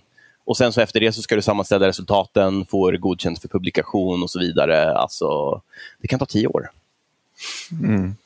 Mm. Och då tar det jävligt lång tid att se några resultat förstås. Um, nu har vi använt en allmän forsknings... Ja, men det är bra. Mm. Det, det, det, är ju mm. superintressant. Och dessutom då också, det svåra är ju också att, att veta vad är det för andra faktorer som man inte beräknar i den studien som kan påverka under tiden också. Och, och där är alltså ett väldigt stort problem, och det här är framförallt inom psykologi och sånt till exempel, mm. eh, så, så har du det här stora problemet att när du, när du, ska, göra, när du ska undersöka olika beteenden, eh, då, då vill du egentligen ha ett slutet system eh, på sätt och vis, så att du kan kontrollera vilka faktorer som är med. Mm. Um, men du har ju inte ett slutet system i verkligheten. Mm. Uh, så att när folk kommer in och gör de här testerna så är det ett, uh, det är, alltså modaliteten är fel. Det, det, det, det är när du, du, du tänker på ett helt annat sätt när du sitter med ett formulär mm. eh, än hur du agerar i verkligheten i många fall. Det, det finns självförhärligande, självcensurerande eh, och sådana här olika bitar, exper experimenter effects. Mm. Jag skrivit en jävligt bra bok som heter Everybody Lies eh, om, om det där att eh, när man sitter och, och gör ett Alltså om du är face to face med en intervjuare så, så självförhärligar du väldigt mycket och självcensurerar väldigt mycket för att du typ vill verka som en bra person inför den andra. Och det är mm. inte konstigt. Och, mm. Men där kan man också säga, och de menar typ att så här, när du sitter på typ Google och alla sådana saker, då kan du typ vara, eller liksom, det du, det du, om man använder Google Trends eller man använder Twitter-data eller man använder olika sådana här saker för att mäta typ rasism i samhället så kan det vara högre. Men å andra sidan så kan det också vara typ en ventil för folk att vissa som har anonyma konton eller vissa som söker på olika grejer, de kanske söker på ett sätt som är lite överdrivet gentemot vad de egentligen tycker när de är face to face med en annan person och får prata lite. Och bara, nej okej, okay, jag kanske överdrev lite med det där. typ. Så att, så, Sånt är skitsvårt när det kommer till det. Men då kan man också tänka biologi, och, och, och, och, om, man, om du adderar alla de bitarna och sånt där också, att det finns massa, det finns ju miljoner, miljarder olika faktorer. Och där kan det vara mm. typ att väldigt, väldigt många små olika faktorer kan vara um, alltså korrelationen mellan väldigt många små faktorer kan vara mer än den direkta kausaliteten av en lite större faktor. Mm. Mm. Både när det kommer till psykologi och biologi. Absolut. Alltså det är en av de största svårigheterna med om du ska göra såna här studier där du kollar på när liksom olika individer och organismer faktiskt dör. Att då finns det jättemånga faktorer och det är svinsvårt att uh, isolera för dem. Så, um, du har till exempel en av de mest populära anti-aging uh, liksom, som man har nu, uh, Metformin. Det är alltså diabetesmedicin helt enkelt. Um, den är så här, det finns en statistisk det är. Peter Jihde är så jävla snygg. Jag ska... Peter J? Peter, Peter Jihde som alltid gnäller om sin diabetes. Nej, jag skojar bara.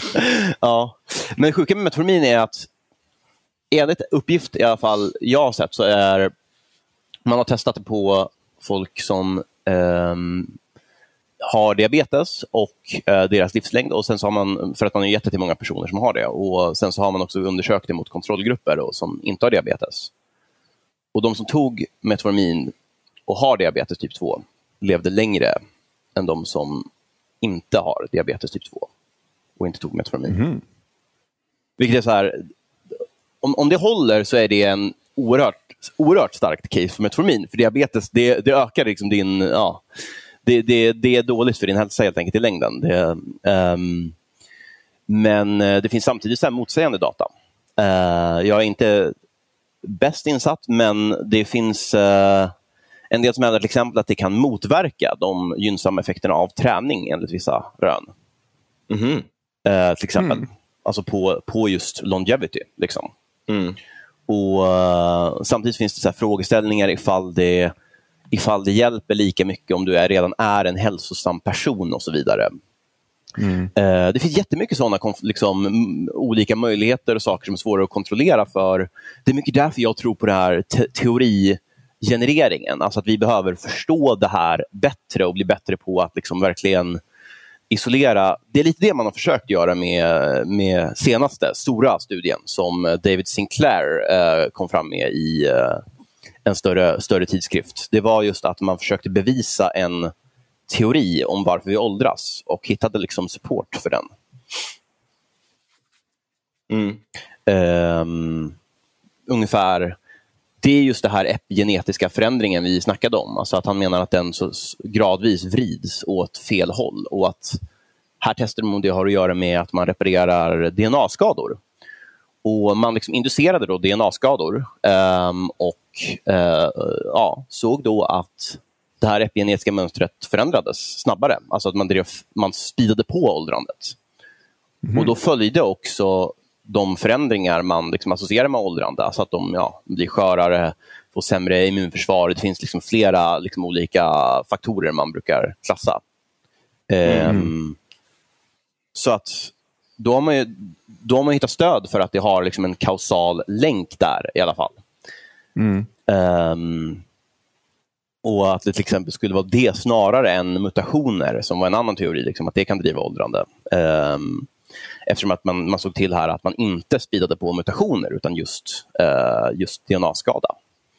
Um, jag tror väldigt mycket på det här. Om vi kan börja bekräfta att de här grejerna stämmer, då kan man ju börja testa ganska mycket. Och uh, till exempel det här vrida tillbaks den epigeniska klockan. Det kan man redan göra ganska mycket.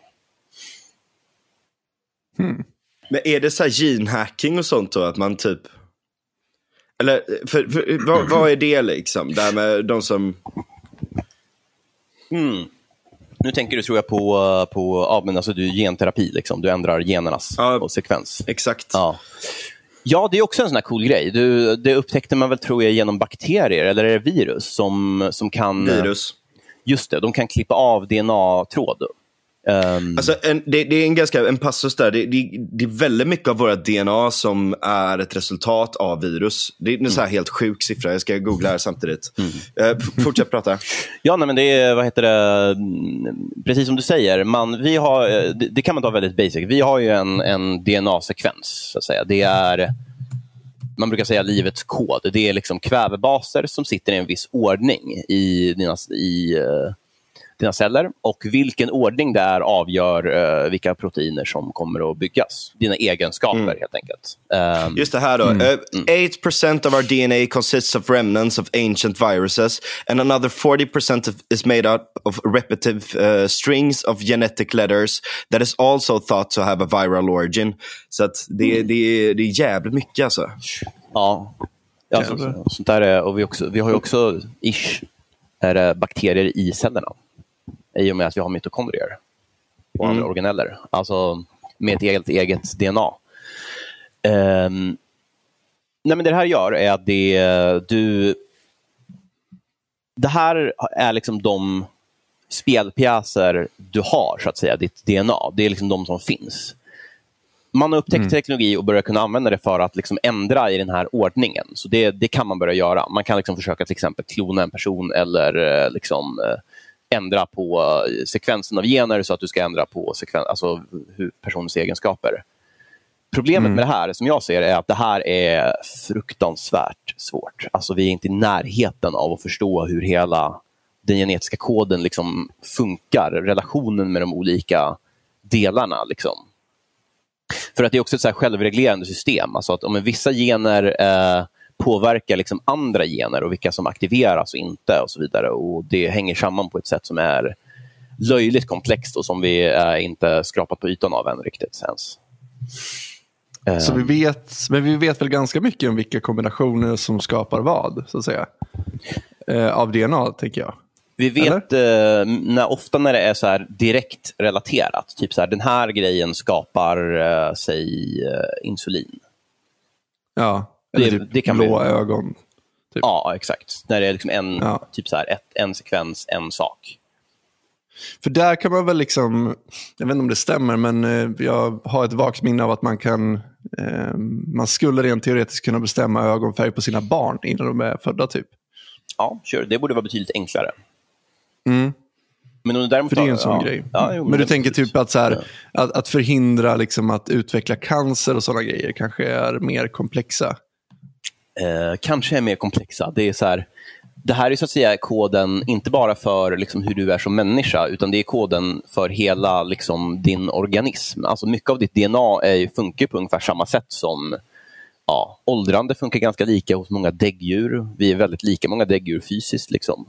Um, mm.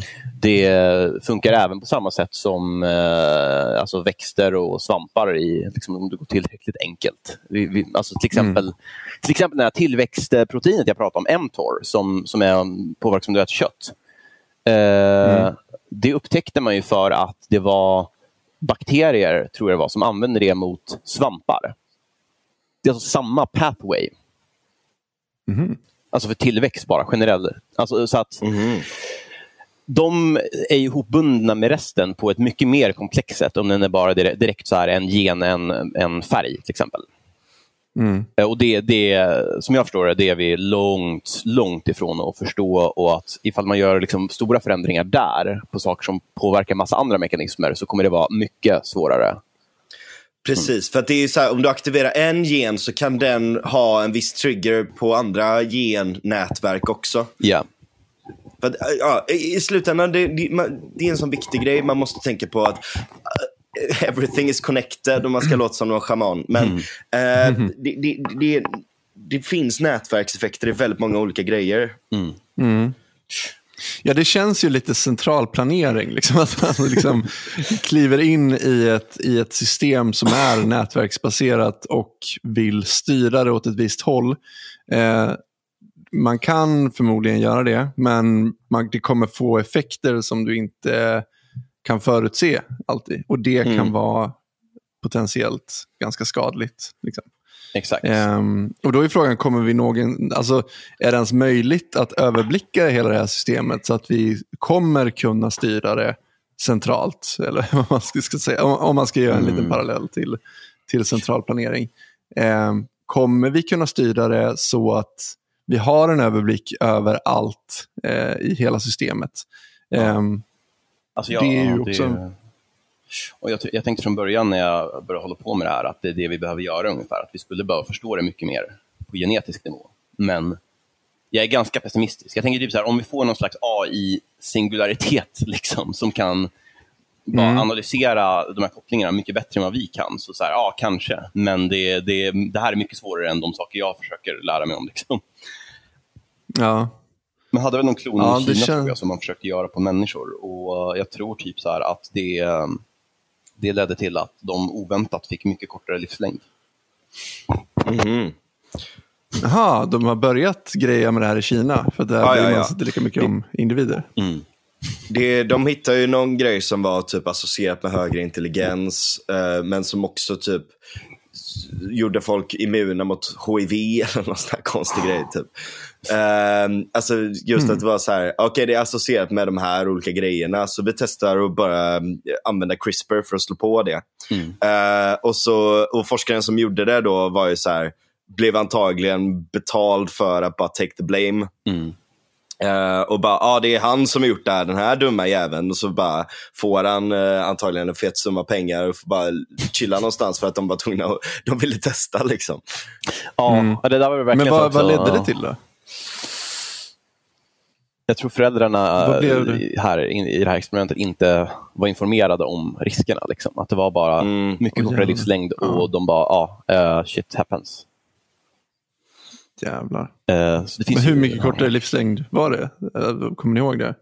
Jag vet inte exakt, det har jag hört. Bara så dr- drastiskt kortare. Det, jag har, alltså, ja. Mm. Och det, ja, jag, det finns nog skäl att man liksom inte bara experimenterar på folk hur som helst i Nej, precis.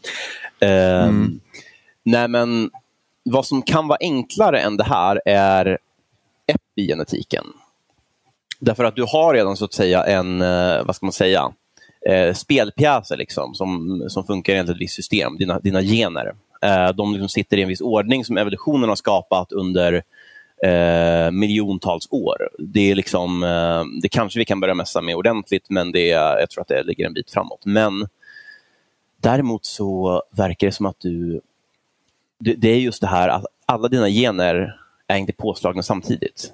Det är så celler specialiserar sig. Liksom, att din, cellerna kan i början bli vad som helst, men sen stängs, eller, ja, sen stängs vissa gener av tillfälligt. Det finns något man ska kalla metylering av DNA. Så de, liksom, de används inte, de kopieras inte, de, de är inaktiva och vissa andra liksom kan slås på. Um, det här, när det gäller just åldern till exempel, så, så ändras det här på ett ja, men förutsägbart sätt. Liksom, I takt med att du åldras. Man tror att det kan vara att det kan vara entropi helt enkelt. Alltså att det är vad heter det, oordning, liksom, belastning på systemet gradvis gör att det fuckas upp. Liksom. Dina, Mm. Den optimala ordningen um, för vilka gener som är påslagna och inte det liksom tiltas, ändras gradvis. Och Då blir de sämre på att göra sitt jobb helt enkelt. Om du kan bara skruva på det här, um, vilket man nu har hittat liksom vissa signalvägar som verkar förändra dem, och om det är något som är relaterat till åldrande, då är det betydligt lättare, för då använder du så att säga, redan kroppens egna strukturer för det. Det tror jag är betydligt mer realistiskt än att faktiskt gå in och börja ändra i själva genordningen i sig. Just det. Just det. Ehm, men det är också så här... Jag, jag, jag vill liksom lägga betoning på att jag tror att det är eh, just eh, själva teorin om hur åldrandet orsakas som är det viktiga. Den här, den här Yamanaki-återställningen, det kanske inte, kommer, kanske inte kommer gå bra i längden. Liksom. Det, det får vi se. Men däremot så, om de här teorierna kan utvecklas och vi kan få en klarare insikt i vad det är som händer när vi åldras, då kan man testa olika metoder. För det finns redan olika metoder som man testar och vissa det finns fler som har lovande resultat. Ehm,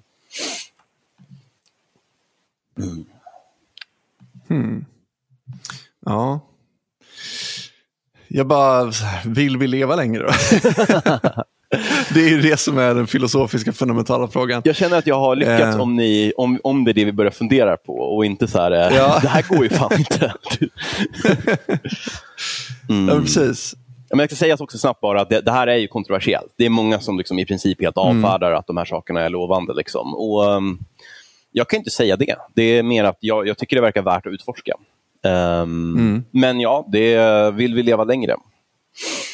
Vad känner du?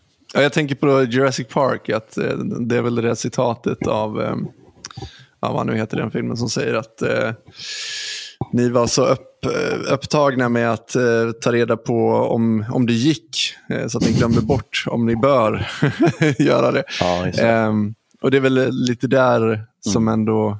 Det är intressant att fundera över i alla fall. Alltså, bör vi göra det här? Är det någonting som vi... Mm.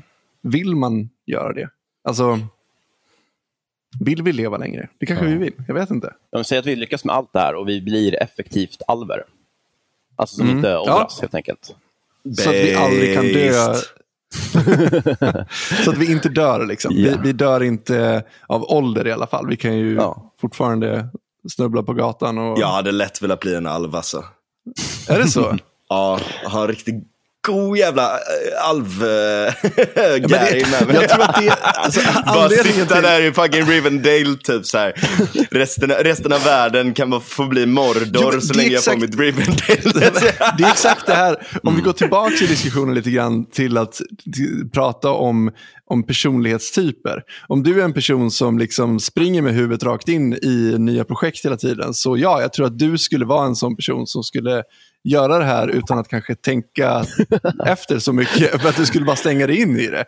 Eh, Medan jag tror att en sån som jag som är mycket mer trög eh, kanske skulle fundera över det väldigt mycket längre och sen aldrig komma till skott. Eh, vilket skulle resultera i att vi skulle få en värld mer full av folk som Frans. som någon sorts högfunktionella ADHD-människor som lever för alltid. Liksom. Eh, och, som medans... Alver, fast absolut inte med Alvers personlighet. Liksom. Nej, precis. Det kommer inte bli de här depressiva vampyrerna som lever för alltid och, och tycker att allt är mörker. Utan eh, vi kommer få liksom Steve Jobs-människor eh, som bara startar nya företag, testar nya idéer, bla bla bla. bla. Eh, men som...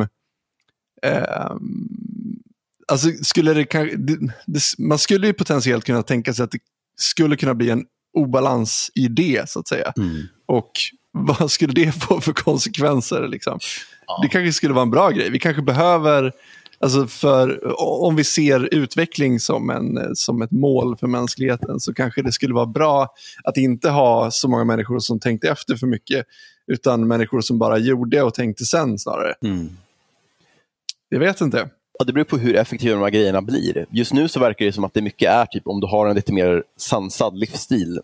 Det måste du så att säga fortfarande ha för att kunna få de gynnsamma effekterna av det här. Om du liksom misshandlar din egen kropp med liksom en, en uh, crappy livsstil så, så kommer det, ja, det kommer neutralisera effekten av de här grejerna man, kan, man försöker med hittills. Men blir de tillräckligt effektiva och du kan återställa det så ja, fan, du kanske får bara liksom en jävla civilisation av Frans. Liksom.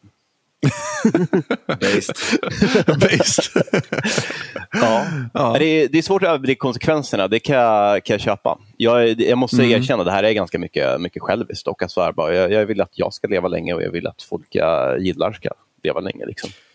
Men där är ju mm. den grejen också, lite det som vi var inne på där innan, att eh, typ just att så här, har man Alltså, vissa personer är mer riskbenägna och sånt också, så att det blir ju lite självsorterande. Jo, det är sant. Det är sant. Mm. Uh, så att, ja. Men, men, och där är också den, en annan grej runt det där är ju också runt neurokemi och sånt också. Att jag menar, du skulle ju eventuellt sett kunna leva väldigt länge. Men beroende på hur din neurokemi fungerar så kan det ju vara så att du har att, att du får olika utfall också över tid. Säg att du lever väldigt, väldigt mycket längre och din fysiska kropp klarar sig väldigt mycket längre. Mm. Men på grund av hur din hjärna funkar så kanske den eh, ändrar sig över tag och, och, och um, du, vet, du börjar förlora minne eller du börjar förlora det ena och det andra. Eller, eh, sådär. Aha. Ja, det där är ett område som jag är mindre insatt i, men det ska i alla fall påverka hjärnceller också, som jag förstår det. Eller alltså, mm, du, kan, okay. du ska ja. kunna... Liksom, de, de, saker som kan hända med hjärnan är mycket åldersrela, alltså åldrande relaterade. Um, du får inte Alzheimers i regel när du är 20. Liksom. Just det. Um, men å andra sidan, så jag är, jag är inte jättekunnig just Alzheimer, men är det inte så att det är bara människor som får det? Det har jag ingen aning om. Mm. Nej, det vet jag faktiskt inte. För då är det ju frågan om det, ja, eh, har, någon, har liksom specifika orsaker som vi inte riktigt kan applicera från djurvärlden hur lätt som helst. Det... Men, är, vad, och, men det beror ju väldigt mycket på vad det beror på. Alltså om det är så att vi, människan, har eliminerat väldigt mycket av våra naturliga fiender vilket gör att vi lever väldigt mycket längre och att det är en åldersrelaterad grej. Medan i naturen så djur kanske inte blir så gamla av många andra skäl så att ja, de ens det. utvecklar det. Men, mm. Det vet jag inte om det är så, men, men jag tänker att det skulle kunna vara en, en möjlig förklaring till att, till att det inte finns. För att, Spontant så tänker jag att varför skulle det vara en liksom, rent fysiskt en, en mänsklig eh, ja, det. Eh, grej. Det ja. borde ju finnas i naturen i övrigt också. Ja, eh. möjligen så här för att vår hjärna är krångligare liksom, än djuren. Men uh, ja, mm. känsligare. Ja. Men jag, jag vet faktiskt inte. Mm. Uh, det, jag tror också att det, det är mycket möjligt att vi får en uppsjö av sådana här problem. Men det skulle ju verkligen suga ifall vi upptäcker att ja, vi, vi kan... Du har liksom folk som går runt i 20 år års kroppar men börjar bete sig som så här dementa... Liksom. alltså frågan är, hade man liksom? alltså, alltid. Oj, det här tog en... ja. Om det är två stycken ja. dementa 20-åringar. ja. Ja, ja. det... Ja, du tänker trekant? ja. Fan, Nej, det öppnar men... en hel eh, uppsjö av frågeställningar jag inte har någonsin Har du inte funderat över det? det var det första Frans tänkte på. Oskyldig som ett lamm. Ja. Uh, nej, uh... Jag har ju sådana här evighetsprojekt som, som jag inte blir klar med. Som, som är två stycken uh, romaner som jag håller på att skriva på lite par parallellt. Okay. och, och en av dem så som, ja, men den utspelar sig i princip så här, du vet, det mesta har blivit automatiserat, vi har medborgarlön, vad fan gör man då? Typ? Mm.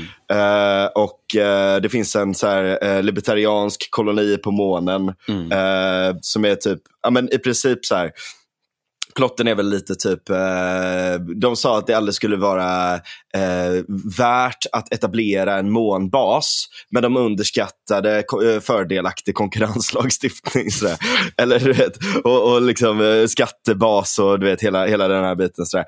Eh, så att, ehm, eh, och, och ehm, ja, men, och så vidare. Men där är en, en, av, en av huvudpersonerna då, är en en, man vet inte om det är kvinna eller man från början, eh, som, som bara har ändrat, alltså bytt ut delar av sin kropp och bara använt eh, sånt där hela tiden. Då. Som antagligen är typ 200, möjligtvis år gammal, men säger inte hur gammal hon är. Utan hon ser ut som 35 bara. Mm. Mm. Och hon är en av bossarna då. Liksom. Mm. Uh, så att jag har funderat över den frågan ganska mycket. Uh, liksom, lite, lite, inom ramen av det. Jag tror att skönlitteratur kan vara ett ganska bra sätt att utforska det där också, idéerna runt det. Ja. Um, men för där blir det roligt då, för att säga att du har typ, alltså säg att du ändå är ganska pigg i huvudet. Du har typ energin av uh, någon som är 40.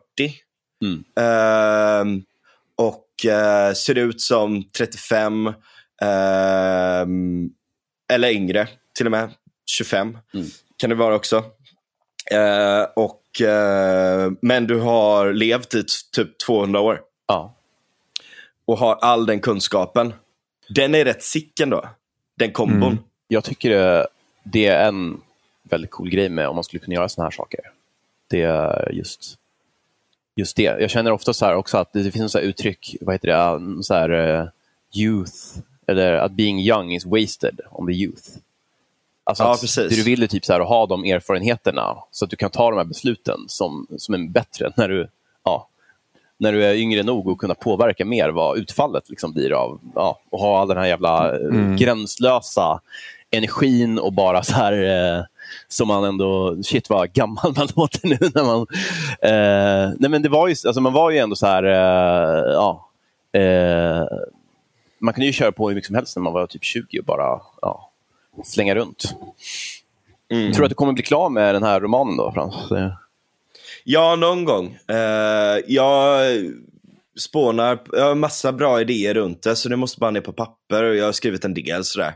Uh, men vi får se, det, jag har så mycket annat för mig just nu så att uh, det, får liksom inte riktigt tid till det. Men, uh, men det, det, det, det, jag, jag, det har ju utforskats i vissa skönlitterära grejer, typ eh, eller, eller filmer och sånt där. Altered Carbon går ju in väldigt mycket på det. Black Mirror har gjort det i viss mån. Mm. och sådär också. Så att det, det, finns ju en pågående så att säga, visualisering av vad, som, vad, vad det kommer innebära. Mm. Um, Death, Love and Robots gjorde också ett väldigt bra avsnitt om det där tycker jag.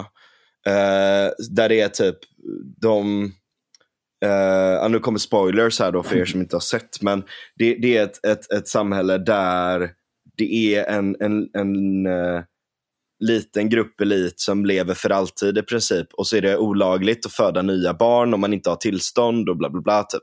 Mm. Uh, så är det typ några personer som lever i utkanten som typ får barn ändå och vill ha barn, men så jagas de av då, polisen. Mm. Mm. Så den biten kan vi tänka på också. så här, mm. Vilka kommer det gynna, vilka kommer det inte gynna? Uh, och, och sådär. Och, och jag menar, alltså på ett sätt, alltså om man, om man tänker så här, om, om man inte tänker skadorna av vad en sån politik skulle innebära så kan man ju tänka sig att jo, det hade väl varit ganska bra om vi hade typ om, om vi inte var så jävla mycket folk mm. på jorden och de som väl föddes eh, tog man hand om. Mm. Eh, och verkligen såg till att, att ge dem riktigt bra förutsättningar och sådär då. Uh, och, och, det i sig är ju en ganska rimlig, ett ganska rimligt förhållningssätt. Problemet är bara så här, hur enforcar man en sån politik? Det blir jävligt svårt. Mm.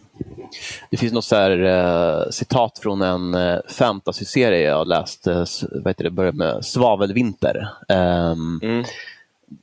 det, det, är han som har varit med och skapat Drakar och Demoner-rollspelet som har skrivit. det är väldigt så här, Dungeons and Dragons. Ja, en, en liksom svensk nördigare variant av det. Eh, och han, eh, det finns något citat så här, om att, om att eh, Gud skapade världen liksom, och sen, eh, sen skapade de människan och liksom, tyckte om dem. Men sen såg de att de höll på att föröka sig. Och uh, Det var inget bra, för de bara liksom dubblar sina antal och liksom kommer crowda ut liksom hela världen. Så att mm. Fylla liksom bara allt med kött. Så att det, då, de var tvungna att hitta på döden helt enkelt. För att så här, bara, ja, det, för att lösa det här helt enkelt. Det fanns ingenting annat att göra. Uh, mm. Det är en sån ganska populär tanke med vad heter det, Malthus och sådär också. Ja, exakt. Uh, jag har aldrig varit speciellt orolig för det, i regel. Um, sen jag liksom fick höra om det här med dem demografiska transitionen och att liksom man, vi minskar ju, här mm. föder vi liksom färre barn än vad som dör i uh, Sverige i alla fall och västvärlden stora delar. Um, mm. Men ja, alltså jag menar, där är ju en sån grej, typ, alltså, jag menar så här, typ om man tar så här, the great replacement, nej det kanske inte är en konspiration av judarna. Men däremot ser man på de, de demokratiska siffrorna så, så, har det ju de facto så att, att, att uh, resten av världen ökar i oproportionerlig mängd jämfört med, med, vad, med vad typ vita personer gör. Så att så här, alltså, där, där, där, jag kan störa mig så fruktansvärt mycket på att man inte kan hålla de två tankarna i huvudet samtidigt. Mm, utan mm. antingen så är det bara right-wing nuts som, som ballar ur typ och hävdar att det är en stor konspiration. Mm. Eller så är det left-wing nuts som hävdar att fakta runt de där sakerna är fascism. typ. Ja. Mm. Jo, men eh, absolut. Um, Eller nazism till och med. Från vad jag har hört så är liksom demografiska transitionen, alltså att folk får ja, folk börjar överleva längre och så vidare för att just inte få liksom, ja, botbara, enk, enkelt botbara sjukdomar, utan folk bara, ja så. Och eh, då börjar de också få färre barn. Och att det ska vara någonting mm. som, som, som, ska vara universellt. Mm. Eh, men samtidigt så har jag börjat senare höra om liksom mer att flera större liksom, organ eh, internationella liksom, organisationer så anser att det, det ändå blir problem med befolkningen. Så att vi måste ha demografiska transitionen och så, annars så blir det problem. Det, var, det är något som jag faktiskt inte hade tänkt på. Um, men absolut, vi har ju en, det, det, blir en sån där snedfördelning. Jag tänker att det är så här att européerna ökade sina antal som fan. Eh, för att vi, ja, vi eh, fick industrialismen och många av de vetenskapliga framstegen först. Mm. Eh, och Då kunde befolkningen spika liksom, i Europa och USA. Och nu så har resten av världen också det. Mm. Så då kommer de få det här att det spikar ett tag och sen så kommer det stabiliseras. Liksom. Men, men det kommer vara fler utomeuropeer än vad vi är vana vid liksom, i världen. Ja, och mm. man ser ju de trenderna också i, i många andra länder att när du får en relativt välmående medelklass så, eh, så får de en annan tidspreferens. Alltså det är färre barn men man tar hand om dem mer också. Men det där är också en sån mm. grej som jag kan tänka mig. Alltså, säg att du får veta liksom, säkert att du kommer, du vet säkert att du kommer att leva tills du är, säg 120. Mm. Skulle det påverka din benägenhet att skaffa barn nu eller vänta fem år tills du har lite bättre förhållanden. Liksom. Ja, men precis. Absolut vänta. Mm. Mm. Så jag tänker att du kommer att, alltså, att folk kommer anpassa sig efter det här också. Mm. mm. Ja, verkligen. Och det, jag tycker att det är ganska, det där är ganska bra på sätt och vis. Att, att, att man kan tänka så, att man kan göra så också. Jag tycker inte att det är ett jättestort problem att folk skaffar barn senare. Tvärtom så är det ganska nice. Typ. Mm. Ja, jag har också blivit så här på sistone eh, apropå det här, miljöaktivister, eh, lite mer och mer åt det hållet att fan, vi, vi kanske kommer behöva vara lite försiktigare med liksom materiell, eh, materiellt resursutnyttjande i framtiden ändå. Typ.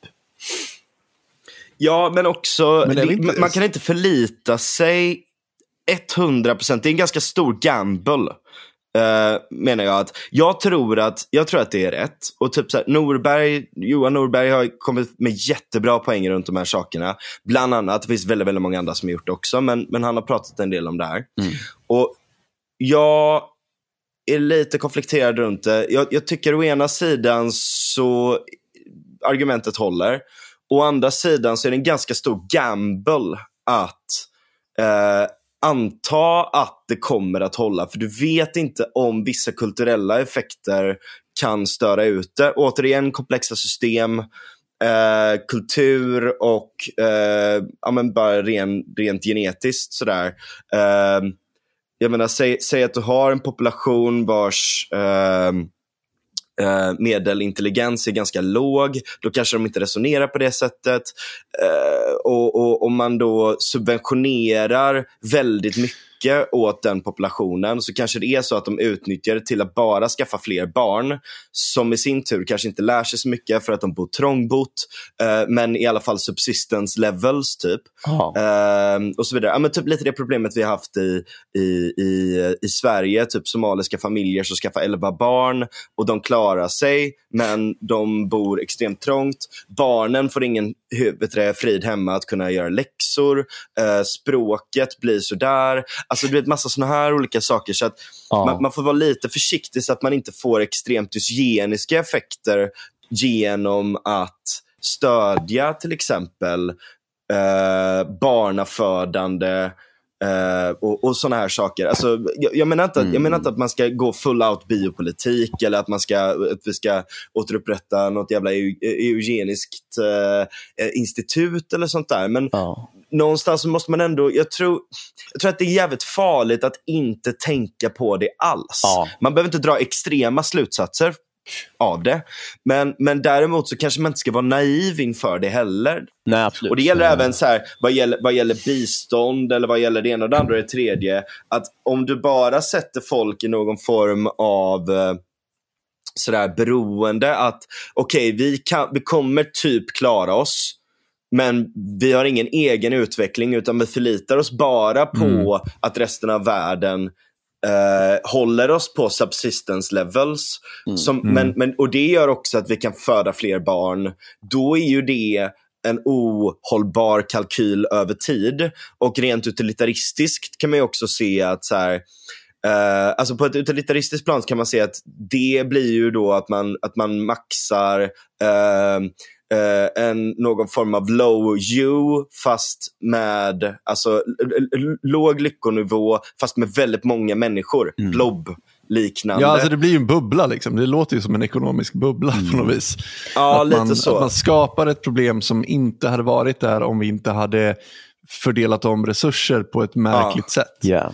Och det där är, men det är ett supersvårt moraliskt dilemma. För å ena sidan så är det så här, okej okay, men om det väl har fötts ett barn, då kanske det, den förtjänar en viss grund. Eller alltså sådär ja. också. Så att, eh, och, och, och, man kan det är svårt att dra undan den mattan. Liksom. Man kan inte mm. stoppa mm. folk från att skaffa barn eller du vet sådär. Så att, det är ett väldigt, väldigt svårt moraliskt dilemma. Men, men det, det, är därför man måste prata om det på på ett eh, balanserat sätt tycker jag. Ja. Och, mm. Där man inte bara stoppar varandra och skriker du är fascist eller du är, du är dum i huvudet. Mm. Uh, de enda två politiska falangerna vi har i världen just nu. jag ska lite mitten så här, citat. Men, alltså, jag, jag, jag håller med dig. Det är så här, uh, alltså, uppenbart så är det så här, ja, genetik, liksom, det, det finns vad heter det, problem, alltså potentiella problem med liksom, om det utvecklas åt det ena eller andra hållet. Det borde man ju så här, om man köper liksom, att evolution existerar, så, borde man, behöva, så inser man ju det. Sen så är frågan så här, hur lätt det är att styra och så, men jag tror absolut att, så att säga, man måste liksom kunna ta tillbaka det där territoriet lite grann, att prata om vad det är som händer egentligen och att liksom folk med alltså, hyfsat rimliga värderingar kan, kan prata om det också, så att det inte tas över av folk som absolut inte har det. Um, mm. Jag tror att just när det kommer till så här, ja, men som, som massor av barn som föds i ett fattigt land, som liksom de försöker maxa så att säga, sin population. Jag tror att det är nog inte en så vinnande ekonomisk strategi i längden. Alltså, du kan ju bli liksom du kan ju få mest billig arbetskraft, typ, men jag tror att that's it. Uh, och det kommer inte vara de, ja, det kommer vara det fyller väl en roll i ekonomin, men det kommer inte vara de mest högproduktiva liksom, i så fall, eh, ekonomierna direkt. Eh, men absolut, det, vad heter det, det kan få sådana oförutsedda effekter. Jag tror också så med bistånd att det kan låta jävligt hårt, men att man kanske behöver tänka mer än liksom, att lösa liksom, en emergency hela tiden. Ja, precis. Mm. Typ så här att ja, vi liksom ger, ja, de här människorna klarar sig inte, ja, vi ger dem subsistence. Men liksom ger vi samhället mm. någon liksom förutsättning att utvecklas till att själv kunna liksom bära upp sin, e sin egen population, liksom, kostnaderna, eh, försörjning, bidra till en mer och mer liksom, ackumulering av välstånd mm. och så vidare. Om vi inte har det, då har vi bara en, liksom, en continual emergency. Ja, precis. Ja, precis. Och, och där är också den grejen att vad är det för liv? Alltså för vissa personer kan ju hamna lite i det här liv för livs skull. Mm. Men då har man potentiellt sett en stor del av befolkningen som bara Ja, men ta, ta det här dilemmat då med om vi skulle ha medborgarlön och automatisering och, och jada jada och sånt. Mm. Uh, att så här, en del personer kanske blir ganska olyckliga då av att bara vara i någon form av subsistens där de blir pacificerade. De blir bara fångade i hivemind av att sitta och scrolla TikTok mm. eller vara fast i VR-världar och såna här saker och mår egentligen ganska dåligt av det, eventuellt. Eh, sådär också. Eh, jag tror att vissa personer skulle gilla det, men, men det kanske blir så att man får en stor del av populationen som känner en väldigt, väldigt stor meningslöshet eftersom att vi är så långt från vad våra instinkter är.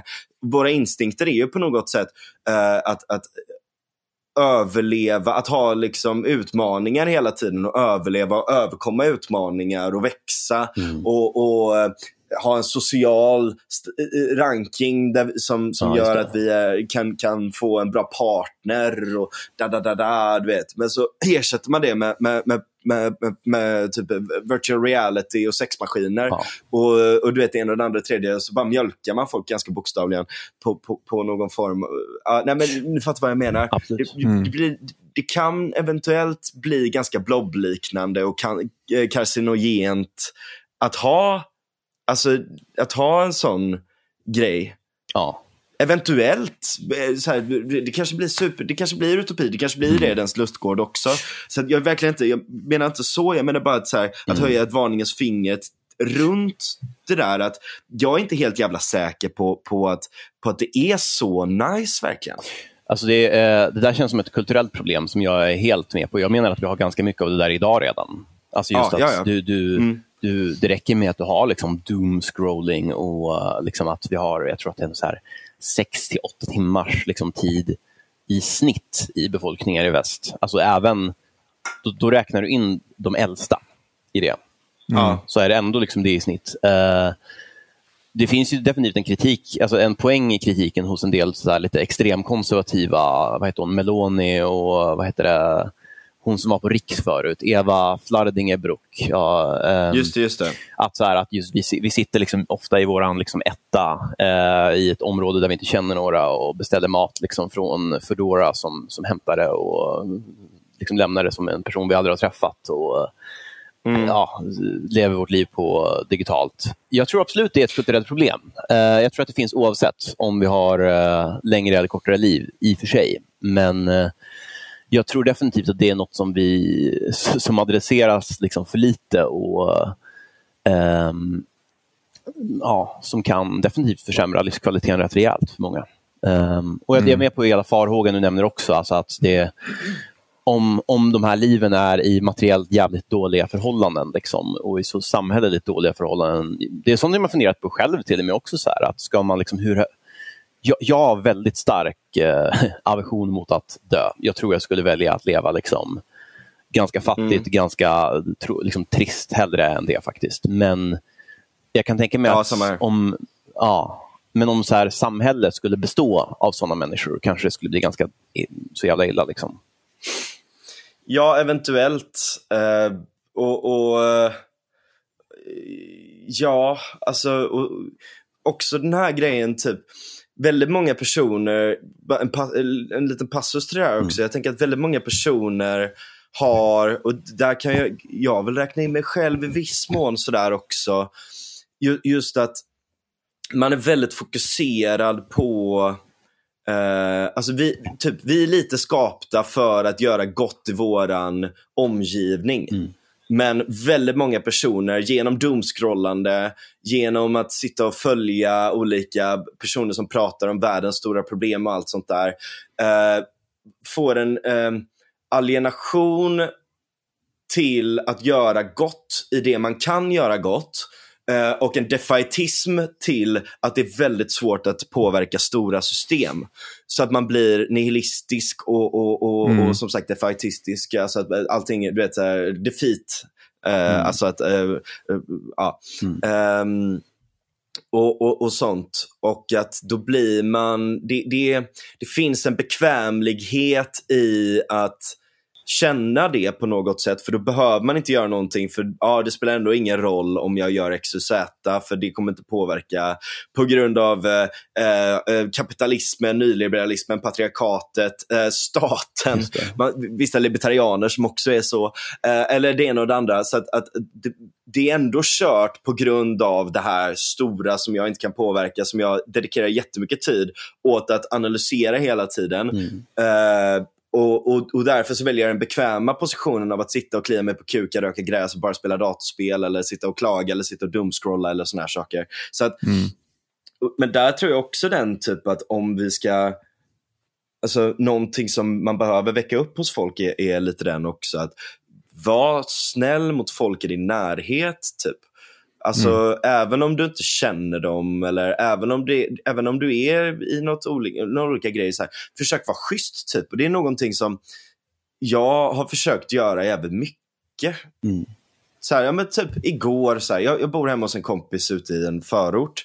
Jag är typ den enda äh, det är så här, det, det, man är typ den enda svensken i ganska många olika sammanhang runt där. Det är klart det bor svenskar där och sånt, men, men det är ganska, så här, jag går in på en restaurang igår, jag är den enda svensken där inne. Så sitter det någon mamma där som har två kids och en flippar runt och allt sånt där. Och jag märker att hon kan inte riktigt hålla kontroll över dem. Men jag börjar snacka lite med henne och jag börjar leka lite med kidsen och du vet, snacka och, och lite sånt där. Du vet. Alltså just sådana små saker Mm. Som kan, det, det, kan göra en väldigt ödmjuk kring, det här är personer som jag kanske bara pratar teoretiskt om annars. Men att möta dem, behandla dem som människor, vara snäll. Eller, eller bara så här communitykänsla när du bor på ett ställe. Det här är också problemet, att, att väldigt många av bostadsområdena vi har byggt har den här effekten att de anonymiserar folk gentemot varandra. Mm på ett ganska fruktansvärt sätt. Liksom. Det, det socialdemokratiska mm. Bostadsbygget. Protestantiska. Ja, lite protestantiskt. Men, men under protestantismen hade vi fortfarande kyrkan. Det har vi inte längre. Vi har inte Fast de här det var väl det man lite grann avskaffade med protestantismen. In, inte avskaffade kyrkan, men väldigt mycket skilde individen från kyrkan. Jo, jo såklart, såklart, såklart. Uh, och mycket om tradition och sånt där också. Men du hade ju fortfarande kyrkan där alla såg, så bara snackade lite med varandra och hängde. Fan, prästen såg och pratade latin, det var ingen som kunde det. Uh, och sådär. Eller det gjorde de inte i protestantiska, men, men uh, nödvändigtvis. För då översatte man ju, men det var ju lite poängen. Men, mm. men jag menar bara att så här, man, man behöver ha de här ytorna också där man möter varandra lite i det där tror jag. Och där, där handlar det också om just det här komplexa systemet. Alltså där, om vi inte har ett sånt tänk mm. Uh, och där, vänstern har ju kapat community och förstört det helt och hållet. För det handlar bara om, om, om uh, offer-community som ska klaga på majoriteten istället för att bygga nice skit typ, tillsammans. Mm. Uh, men lite den biten behöver vi ju lösa. För att om vi bara maxar så att folk kan leva aslänge, eh, tar jättemycket resurser men sitter i ganska eh, o... Eh, men alltså, är, inte, bara, mm. är något form av state av liv där de inte känner att saker och ting är så meningsfulla. Det, det, är, ju är... det är som att vi, folk ligger i såna här, vad heter det, i koma, i, i life supporting system i princip bara. Ja. Och är det verkligen livet? Nej, men grejen är så här, jag, jag tänker, jag, jag associerar För det skulle jag, till... alltså, att, jag skulle hellre dö tror jag än att ligga i ett sånt system. Jo, men det är det som är själva grejen. Om vi tänker på Nossix, heter den upplevelsemaskinen. Liksom. Ja. Du, du, skulle tycka att det var kul eh, ett tag att vara i den här upplevelsemaskinen och kunna få uppleva vad som helst. Men Problemet med det du upplever är att det inte är äkta. Liksom. Du kommer till slut tröttna och vilja ha någonting äkta. Och Jag tror bara att mänskligheten är ju lite sån att så fort vi upptäcker någonting nytt så går vi all in på det mm. och gör det till 110 procent och sen tröttnar vi lite grann och sen hittar vi en balans i det där. Eh, så jag tror att det där kommer lösa sig självt om man får vara så eh, Johan Norbergsk i, i, i den analysen och lite grann eh, ta det med lite faith. Liksom. Att, eh, ja. jag, jag, jag, tror att det kommer lösa sig självt eftersom de här systemen vi har byggt upp är inte tillfredsställande nog för människan. Så att människan kommer leta sig ur de här systemen när vi har tröttnat lite grann. Och vi kommer, ja. se, vi kommer använda dem mer till, en, till, till det systemen är bra för oss. Men, um, det jag måste säga, ja, ja sorry, fortsätt. Nej, men kör. Jag är klar. Eh, jag tror att... Um, ja, jag, jag, känner mig i, i, i viss del skyldig till vissa delar där. Jag har faktiskt känt mig lite så här lite deppig politiskt på sistone eftersom att det känns så himla svårt att påverka saker liksom mycket åt ett håll. Det här med mm. åldrande till exempel känns mer handfast faktiskt. Även om det är en enorm utmaning så är det liksom, löser du det här problemet, ja då, då stoppar du in det i människor och sen så, sen så funkar det. Liksom. Om du mm. Men, men, när det kommer till samhället så måste det ju, det här är, det här är min autism, liksom, som, så måste det faktiskt påverka andra människor. Det är, nej, men det är svårare, liksom. speciellt om du är libertarian och du inte vill tvinga dem. Liksom, så är det ju. Mm. Um, men um, jag tror det finns en bra grej med åldrande förröjning som, alltså, kopplat till det här. Jag, jag skulle ändå säga att om det blir någonting som fler tänker på och vill syssla med så handlar det i grunden om att du börjar värdera livet mycket. Liksom. Du, eh, mm. du tycker om att leva, du vill ha fler år, du värdesätter det. Uh, jag tror själv att det är en så här livsbejakande, bra... Jag har väldigt svårt så att diskutera det här med folk som är helt negativa till det här. Alltså det är bara ungefär, nej men vadå, liksom, ska man leva längre? Jag skulle vilja leva kortare ungefär. Eller liksom, uh, mm varför är det så bra? Liksom? Eller varför ska vi ha så mycket människor? Människor suger ju, typ. Um, mm. Det känns som för mig en så väldigt negativ grundinställning. Det är så en jävla cringe-tagning, tycker jag. Mm. Ja, verkligen. Människor suger. Alltså, ofta tror jag det är en uh, cope också. Trött. Alltså, det är bara så här, ja, ja, men det, jag är rädd för att ja, dö. Du suger men, kanske. Ja. Ja. Nej, men, nej, men det, det, är så här, okay, människor lever inte upp till, och också typ att man tar så här, människor i någon form av typ median av människan. Okej, okay, ja, medianen av människan eller medel av människan kanske inte är så jävla nice, jag håller med. Men det finns, och, och det är också den här grejen att så här, jag, typ om man ska så här, den här jävla Ena felöversättningen. Nice. ja, men så här, den här felöversättningen, alla människors lika värde, som handlar om alla människors lika värdighet, det handlar om någon form av mm, grund. Mm. Men ja. om man tar det då, okej okay, alla människor är lika värda. Vad är median eller medel? Ja. Den personen är inte så nice. Ja, därför så är människan inte nice. Ja, uh, Typ. Eller, alltså, det blir ju nästan en sån grej runt det då. Men det är, ja, men det är exakt samma och sak. där är skillnaden jag... på liv, alltså att vitalism och att överleva är två stycken olika saker. Och inte för att bli full gnostiker och spark of life och allt sånt. Mm. Men det finns ju vissa människor som verkligen gör någonting gott av livet. Och då menar jag verkligen inte, för det här är också den grejen, du behöver inte bli Einstein eller behöver inte bli ett jävla saint. Eller det ena och det andra och det tredje. Men det är jävligt bra att de exceptionella personerna finns. Mm. Men du måste inte vara det. Men däremot om du typ är en bra, alltså så här, om, om, du, om, du, om du är en, eh, bra i din släkt med dina vänner och, och, och, ger till folk i din närhet. Det behöver inte vara så att du måste rädda världen. Mm. Men mm. däremot så Exakt. måste det finnas en vilja och en kraft och en vitalism i att försöka göra gott, att försöka leva efter en dygd. Och den dygden måste inte vara ett, efter ett system, hell, mycket hellre nietzscheanskt, att du fostrar din egen dygd i det. Och så här, ja, jag bor här, jag gör mm. de här grejerna. Jag är inte helt självuppoffrande. Jag vill leva mitt liv själv också. Men jag vill ändå mm. ge till andra på det här sättet och de ger till mig på det här sättet. Det är ju mer decentraliserat och mycket mer nice på många sätt tycker jag. Exakt, jag, menar, jag en liten metafor till det som folk brukar säga till mig eftersom jag sysslar med musik så brukar de alltid utgå ifrån att jag skulle vara någon sorts musikälskare. Ja. Eh, och så säger de, ja men äh, älskar du musik? Och jag bara liksom säger nej, alltså jag, generellt sett så hatar jag musik. Alltså generellt sett så är det fan det värsta jag vet. Mm. För att den st stora mängden musik som finns är hemsk. Liksom.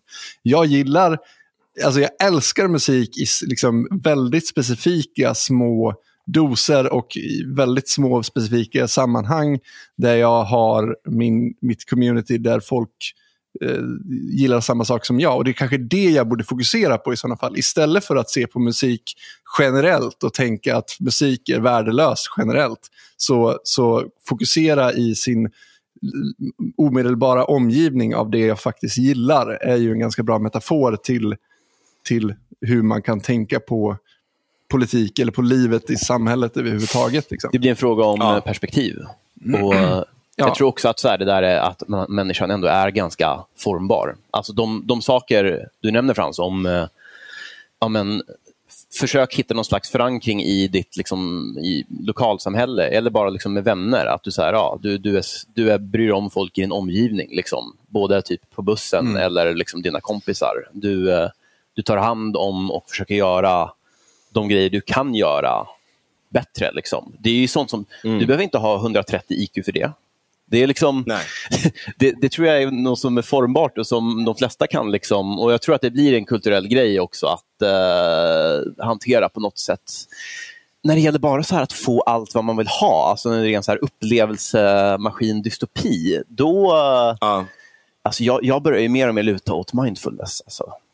Um, mm. Alltså att det är en så att säga, väg ut ur, så är det ju med egentligen nästan alla liksom, achievements, alltså att du saker du uppnår och så att säga strävar efter, att du uh, tröttnar på dem eller liksom, du börjar ta dem för givna.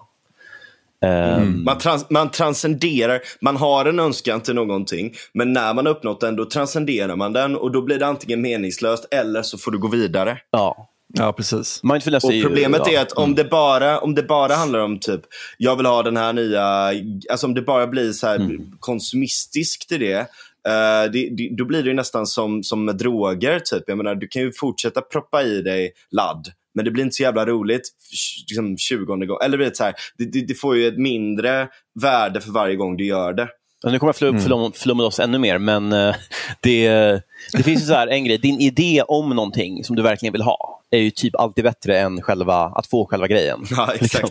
Ja, exakt. Um, så, så om du liksom baserar det på det så kommer du bli ständigt liksom besviken eller ständigt så här, jaga någonting nytt. Det här, man blir ju gärna otroligt liksom, så här, new age med sånt här. Men jag tror verkligen att det finns en slags superkraft i att börja bara uppskatta mm. Superenkla saker och fokusera på det man liksom redan kan, kan göra. Så att säga. Alltså, jag, jag testade meditation, började med det för, eh, vad heter det, förra året. Eh, eller 2021, mm. jag har inte landat i det här än. Nej, Men, eh, ja, för jag läste från början just så här, det, här, det här är bra för att minska stress och leva länge. Jag bara, ah, nice. Men också så här, man börjar dels känna sig själv mycket mer av det. Mm. Genom att liksom du, du, du uppfattar ju liksom dina, ja, dina enkla intryck, liksom syn och hörsel, känsel, men sen också dina tankar. Alltså du börjar faktiskt titta på var de liksom kommer ifrån och bara uppmärksamma att oj, den här dök bara upp. Liksom. Mm. Um, och det här är så pass Alltså jag skulle kunna tänka mig typ att åka på liksom en månads eller liksom till och med ett års så här, meditationsutforskande. Så. Vipassana och inte prata alls. ja, typ så. Ja, men ja. så här, eh, nu gör jag det inte för att liksom, ja, jag har massa andra saker att göra och liksom, vi har en begränsad tid, men jag skulle kunna tycka det var intressant. Liksom, eller att man skulle kunna lära sig mycket av men det är något som du behöver ingenting för, så att säga. Um, mm. Och bara skapar ett värde utifrån Sen så är det här kanske inte för alla, men så här, jag tror verkligen alltså att det finns, så att säga, det finns saker och ting du skulle kunna, du skulle kunna göra även om, även om du skulle drabbas av det hemska ödet att uh, kunna få allt du vill ha. Mm.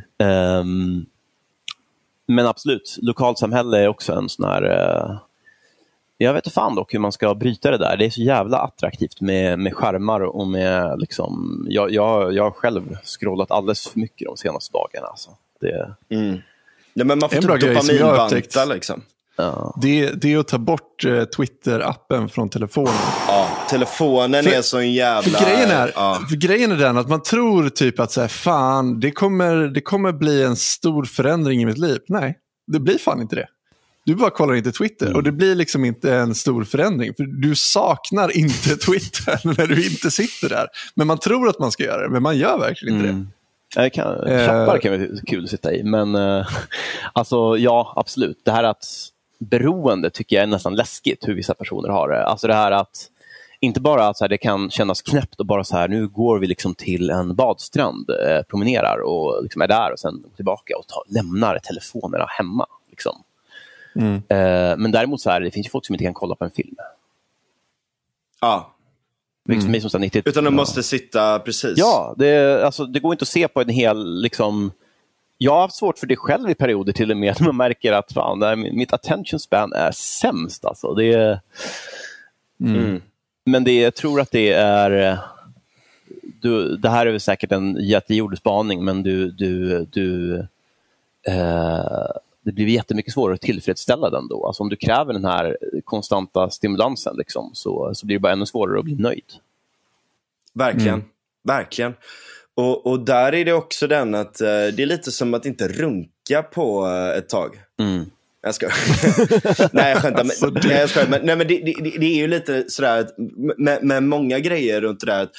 Om du hela tiden bara trycker på de här enkla enkla dopaminknapparna, då har du inte lika mycket sen. Mm. Och det som är det farliga med det där, alltså nu ska man inte bara förenkla det till dopamin för det är inte så kroppen funkar ja. Eh, och hjärnan funkar bla bla bla. Men, men, men om man, bara som ett enkelt sätt att förklara det, så är det ju den att om du alltid gör de grejerna sådär, då är det ju inte bara pleasure-biten som du kommer till. Utan dopamin är ju i princip bränslet för att du ska vilja gå upp ur sängen och städa också. typ. Eller så här, eh, du, du, behöver det till så mycket annan skit så till slut så blir det ju, då har du bara wasteat det genom att typ sitta och kolla på Facebook reels mm. i en timma som har varit helt fucking retarded och inte gett dig någonting överhuvudtaget. Och det har känts som att det gått fem minuter och sen orkar du inte gå upp i soffan. Mm. Alltså det, mm. det, det, det, är så här, det är så jävla läskigt verkligen över hur det kan ta kontroll över ens liv. Och, och det blir verkligen då maskinen, det blir ju Matrix till slut. Mm. Det där är något som jag har försökt att göra, att liksom eh, skala bort uh, eh, sådana... Liksom, det, det, det, känns ju, alltså subjektivt så blir livet typ längre då också. Ja, alltså, exakt. Ja, ja, visst. Precis, precis. Fan vilket bra sätt att knyta ihop det. Det, det, det, mm. det, är verkligen sant. för att också den att livsförlängande kan ju också vara att så här, okej okay, men hur kommer jag ifrån det här jävla demiurgiska tillståndet eh, till att verkligen uppskatta och få längre stunder och känna mer och hinna med mer och orka göra mer och alla de bitarna också. Det är ju den psykologiska subjektiva biten av det hela. Mm. Jo men verkligen. Jag tror uh, det är lite min filosofi kring det här. Att jag har försökt så här, ställa avvägningar. Så här, hur mycket ska jag, liksom, ska jag offra för att försöka forska om uh, att fördröja åldrande. Jag har liksom... ja, det är ett jävla bra dilemma. jag, typ så här, uh, nej men jag, jag, till exempel, jag tog precis ett, ett så icke-beslut. Jag, jag har funderat på att bli, bli PT ett tag. starta eget mm. företag, liksom, som jag tror så här, jag skulle kunna göra. Men jag bestämde mig för att nej, jag ska inte göra det. Eh, därför att det kommer ta för mycket fokus helt enkelt. Jag kan liksom inte göra mm. både det och försöka gå in och bli forskare bra. Um, Nej. Men mm. Jag har väl börjat landa i någon sån här att man vill ju maxa sin, sina, liksom, sin tid så att säga. Jag vill försöka leva ett så bra liv, så, så mycket, eh, ta vara på det så mycket som möjligt.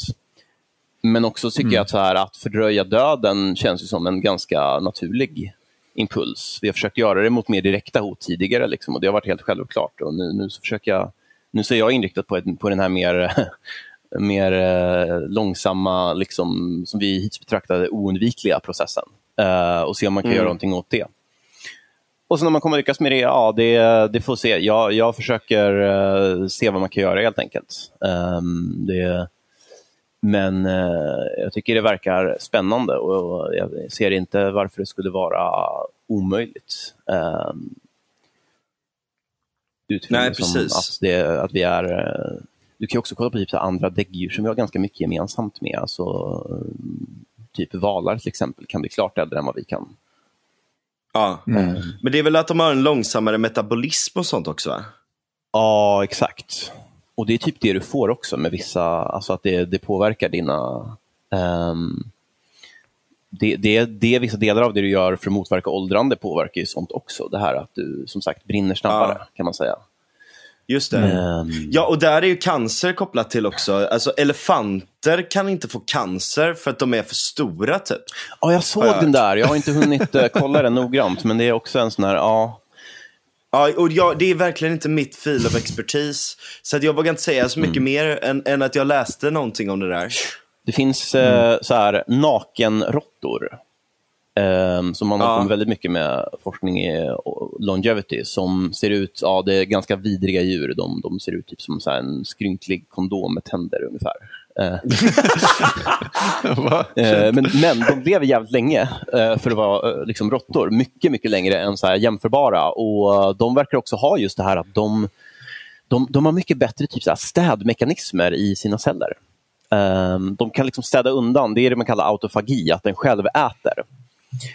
Det är lite mm. det här, vad ska man kalla det för, longevity mode som, som vi snackade om med, med liksom mTOR. Att om du så här, um, får en massa energi, tar upp den, växer, så verkar det som att kroppen fokuserar på det. Det här är mer så här, ja, du, du, eh, du, liksom, du använder dig av de resurser du har. Kroppen äter av restprodukter som annars kan liksom ligga kvar och orsaka skador. Du liksom så här, ja, mm. hunker down, survival mode. Um, ja, det är så här intermittent fasting-aktigt då? Ja, det, det, det hjälper också. Det är också en sån här stor förhoppning. Att, att det, jag, jag kör det själv ibland. Um, det, det är nice. Men hur gör man då liksom? Ja, är, är, det att man bara, är det, är det en gång varje, alltså är det typ så här tidsspann varje månad? Eller ska man göra det, kan man göra det lite när som? Eller hur, hur funkar det? Det finns, eh, det finns olika varianter. Jag, jag är inte heller där insatt i alla bitar, men jag antar så att det, det verkar ju vara så ganska bra om du kör det Uh, om, om, du upprepar det så att säga. Fast en del tyder på att du kanske bara behöver göra det ordentligt några gånger per år. Liksom. Ja. Um, men det finns dels 16-8 bara, att du bara inte äter under 16 timmar på dygnet och sen så äter du under, alltså under de kvarvarande 8 får du äta. Mm. Ja, men så mm. brukar jag göra för att jag, jag blir så jävla trött av att äta mat. Jag vet inte om det är någon gubbgrej eller något sånt där. Så att jag har börjat göra lite så att jag käkar liksom inte frukost. Det kanske är därför jag blir trött. Men, eh, men, men jag vet inte. Jag, man håller på jag experimenterar så mycket med min kropp på dumma sätt. Eh, men, men, just det här, eh, jag bjuder gärna in andra till att göra det. Nej, jag ska bara. Men, eh, eh, nej, men just, just den här, eh, just den här eh, biten med med det att så här, då, då kan man ju käka typ vid, vid lunch. Liksom. Och så kan man käka ett mellanmål vid tre. Och sen så äter man, när man kommer, äter man en stor middag när man kommer hem. Mm. Uh, och så käkar jag någonting när jag, innan jag går och lägger mig. För att jag blir, eftersom att jag blir trött, jag har sömnproblem också. Mm. Så att uh, om jag käkar ganska mycket innan jag går och lägger mig, då blir jag astrött och bara bugdunk. Ja. Jag brukar köpa samma, så jag, eh, det, är inte så jäkla svårt att bara ta den där varianten. Men, men jag har just det här att då skippar jag lättare frukost för att gå och lägga mig och sova hungrig är jag väldigt dålig på. Liksom. Ja, jag, jag klarar inte det. Jag mm. ligger bara och tänker på så här, ja det har varit gott med den här sortens macka. Tänk om jag har gjort det här. Ja. Da, da, da, jag brukar få jag, jag, älskar det där, för jag är exakt likadan. Jag är väldigt svårt att gå och lägga mig och somna hungrig. Ja. Men det är inte som att jag ligger och, och funderar på mackor, utan jag ligger ja. och funderar.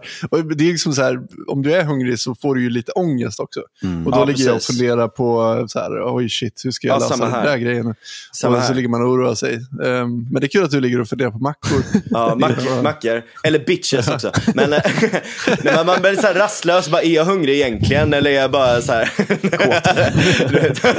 ja, eller du vet, eller är det bara det här eller så? Så, ba, ba, ba, så börjar man ligga så bara, ja, nej, men jag är ganska hungrig. Eller har jag bara ångest över det här typ? Eller du vet, så, ja. så, så, hamnar man i en sån jävla spiral typ. Min, min hjärna, det, det, det, jag är lite så här trögstartad. Mm. Äh, sådär. Jag, jag, kan liksom vara ganska seg på morgonen, men så kan jag, och så har jag svårt att varva ner sen. Eh, tack evolutionen för det. Eh, och um, um, men, men, men det har väl också sin nisch antar jag. Då. Mm. Uh, men då blir, det, då blir det ett bra sätt att kunna mota, motverka det där. Mm. Men jag, det hade varit coolt att testa. Jag har aldrig, alltså jag har ju fastat typ så här. Man har varit ute och, och typ uh, uh, man kanske bara har käkat lunch och sen har man varit ute och ravat till uh, sju på morgonen. Så det har man gjort någon gång sådär. Men, men, Longevity. men just att, att Ja, longevity. mm. Precis. Ja, jag brukar göra. det, precis. Ja. Uh, nej, men, men jag tänker att det hade varit jävligt coolt att experimentera med det någon gång och testa hur man mår. Men då ska man egentligen inte dricka alkohol eller annat. Ja. Sådär. Jag har gjort så några gånger. Det, jag, jag ja, kapat alkohol mer än det mesta. Liksom, för det, var, ja, det, är bara, det, det, är inte så bra att ta så mycket av det. Uh, mm. Men uh, Eh, det, det, det, brukar gå bra att festa i alla fall. Liksom. Alltså, det var ute i sådana sammanhang, det, om man bara vänjer sig. Mm. Men det finns vissa fördelar med att fasta typ så här tre dygn. Som jag förstått det också. Större, alltså andra fördelar. Ja. Liksom, som att den, ja, kroppen hamnar i ett annat tillstånd. Det har jag inte provat. Jag har gått i typ så här Ketosis eller vad heter det? Något sånt här. Ja, just det. Du... Att man börjar typ, eh, man börjar äh, käka av slaggprodukterna och fett och massa olika såna här saker i kroppen då, som, som du sa Exakt. där. Exakt. Jag kan ärligt talat inte de djupare mekanismerna kring, kring långfasta. Så här, jag har Ja. Jag har mest börjat djupgräva till de här riktigt radikala liksom, grejerna. Och så här, de andra har jag mer så gått på, ja, verkar det funka? Ja, men bra, du kan testa. Men, ja. men sån långfasta verkar ju betydligt mer ansträngande. Och Då måste du också se till att du har liksom, ja, men salt, och så, så, att du får i dig liksom elektrolyter och såna grejer om det går flera dagar. Ja, man kan dricka benmärgs, uh, benmärg och sånt kan man göra. Uh, ja, det, ja, det har jag ännu mindre koll på, men det, det, det, jag, jag har hört att vissa gör det. Um, mm. Nej, men som, som det här är... Det låter helt ja. sjukt. Eller buljong bara typ. Eller blodpudding och jordnötssmör. Precis. Ja, faktiskt. Kan inte du bli en sån Andrew Tate-snubbe, Matti, som, som står så och gör handmudras och bara blodpudding, jordnötssmör, mindset. Det ska bli sån här Andrew Tate-retorik, men för att leva länge. Det. Exakt, exakt. You should fast for longer, you fucking uh, homo, liksom. Nej, gud. Uh, det är... Um... det finns, det finns jävligt mycket du kan göra med livsstil. Alltså det, om du bara så här hemma sitter och tänker jag, jag vill göra det jag kan göra just nu för att, för att leva längre och må bättre, så är det typ så här, ja, gå till, till livsstilsfaktorer först. Liksom. Det kommer att göra att du, du får bättre odds att leva kanske 100 år snarare än liksom 60. Uh, ja, exakt. Det är typ också bara ja, sova på nätterna. Det är så ja, tråkigt men underskattad grej. Liksom, att du, ja. ja, ja verkligen. verkligen. Ja, sömn, är, sömn är verkligen eh, det, det är bland det viktigaste. Eh, även när det kommer till, till välmående, men också när det kommer till, eh, till och med när det kommer till fysisk, alltså kroppen och sånt där också. Så är det superviktigt mm. verkligen. Det är svårt att typ träna bra och, och, och bygga muskler och sånt också. Jag menar om du, om du inte sover så det är verkligen superviktigt. Och där är typ så här, återigen, eh, så här, uh, var något Joe Rogan-avsnitt mm. uh, där de pratar om det där, typ, det är ju väldigt, uh, det är ju väldigt enkla grejer egentligen, men som så här, känns pissiga i stunden. typ. Men alltså, typ när man är sjuk, då tänker man så här, åh, fy fan vad det här suger. Om jag bara inte var sjuk och bla bla bla bla bla. Sådär. Alltså att man, man inser vad man förlorar när man väl är i det stadiet. Mm. Uh, och sen så är det så här, okej okay, men om du inte ska bli sjuk hela tiden, då måste du träna uh, regelbundet. Du måste vara ute och få frisk luft. Du kan inte bara sitta hemma och, och, och andas damm hela tiden. Uh, och du måste typ ja, men du måste göra olika saker för att må bra. Mm. Det, det, är bara så här, det är baseline. Och om du divergerar från en sån baseline, då kommer du att må sämre och sämre och sämre. Det blir en negativ spiral. Uh, och, och framförallt om du sitter och bara scrollar hela tiden uh, på din telefon, uh, då, då blir det ännu svårare och, men för att du ligger och inte har energi så gör du det. Alltså, man måste bryta ifrån negativa spiraler och det kräver ansträngning. Och det mm. fucking suger att anstränga Det, det fucking suger att träna ibland. Mm. Eh, det, det, det, fucking suger att göra massa olika sådana här saker. Men om du inte gör det, då väljer du döden på många sätt. Alltså, det, det, det är det folk måste fatta tror jag. Jag tror att det, det är väldigt jag tror att väldigt mycket av fråg frågorna runt psykisk hälsa och alla olika sådana här saker är att vi tror att baseline är ett tillstånd som är bra. Mm, just det. Alltså ett, ett tillstånd där allting är perfekt och där vi bara kan luta oss tillbaka. Är du fucking dum i huvudet om du tror det? Mm. Alltså, det, det, det, vad Alltså hur är det ens fysiskt möjligt? Man tänker, alltså det är helt bakvänt tänk. Ja. Det knyter väldigt mycket an till ett så super... Sossar och socialister och kommunister som tror att det är någon form av originaltillstånd också. Alltså det, det, det, det är så här, mm. det är bara så här, det är det mest fun, liksom fundamentala feltänket. Och, och, så har du så här kommunister och sådana som sitter och gnäller så jävla mycket och så är de så här tjocka och fula och, och, och, allt möjligt sånt för att de bara tror att baseline ska vara Edens lustgård. Typ. Det där är, det där är ett så centralt koncept i eh, longevity som är hormesis. Eh, som, betyder som, som ungefär handlar om hälsosam stress. Alltså det är inte bara så att vi pratar om att så här, du ska vara stressad i din vardag för att åstadkomma någonting, men, men på en rimlig nivå. Utan det här appliceras även på, på kroppen. Det är därför man pratar om så här, dels, dels att fasta eh, kan hjälpa, men också så här, eh, att du, eh, vad heter det, till exempel det här med, med bastu. Det finns en typ av så här, ja, liksom heat therapy kan ha bra longevity-effekter av samma skäl. Det triggar liksom en slags försvarsimpuls hos kroppen som är hälsosam att ha. Ja. När du tränar, när du liksom anstränger dig, men att du också får återhämta dig efteråt. Liksom, så att... Just det, just det. Mm. Och antifragility, jag menar, vad heter det, eh, Nassim Taleb där också.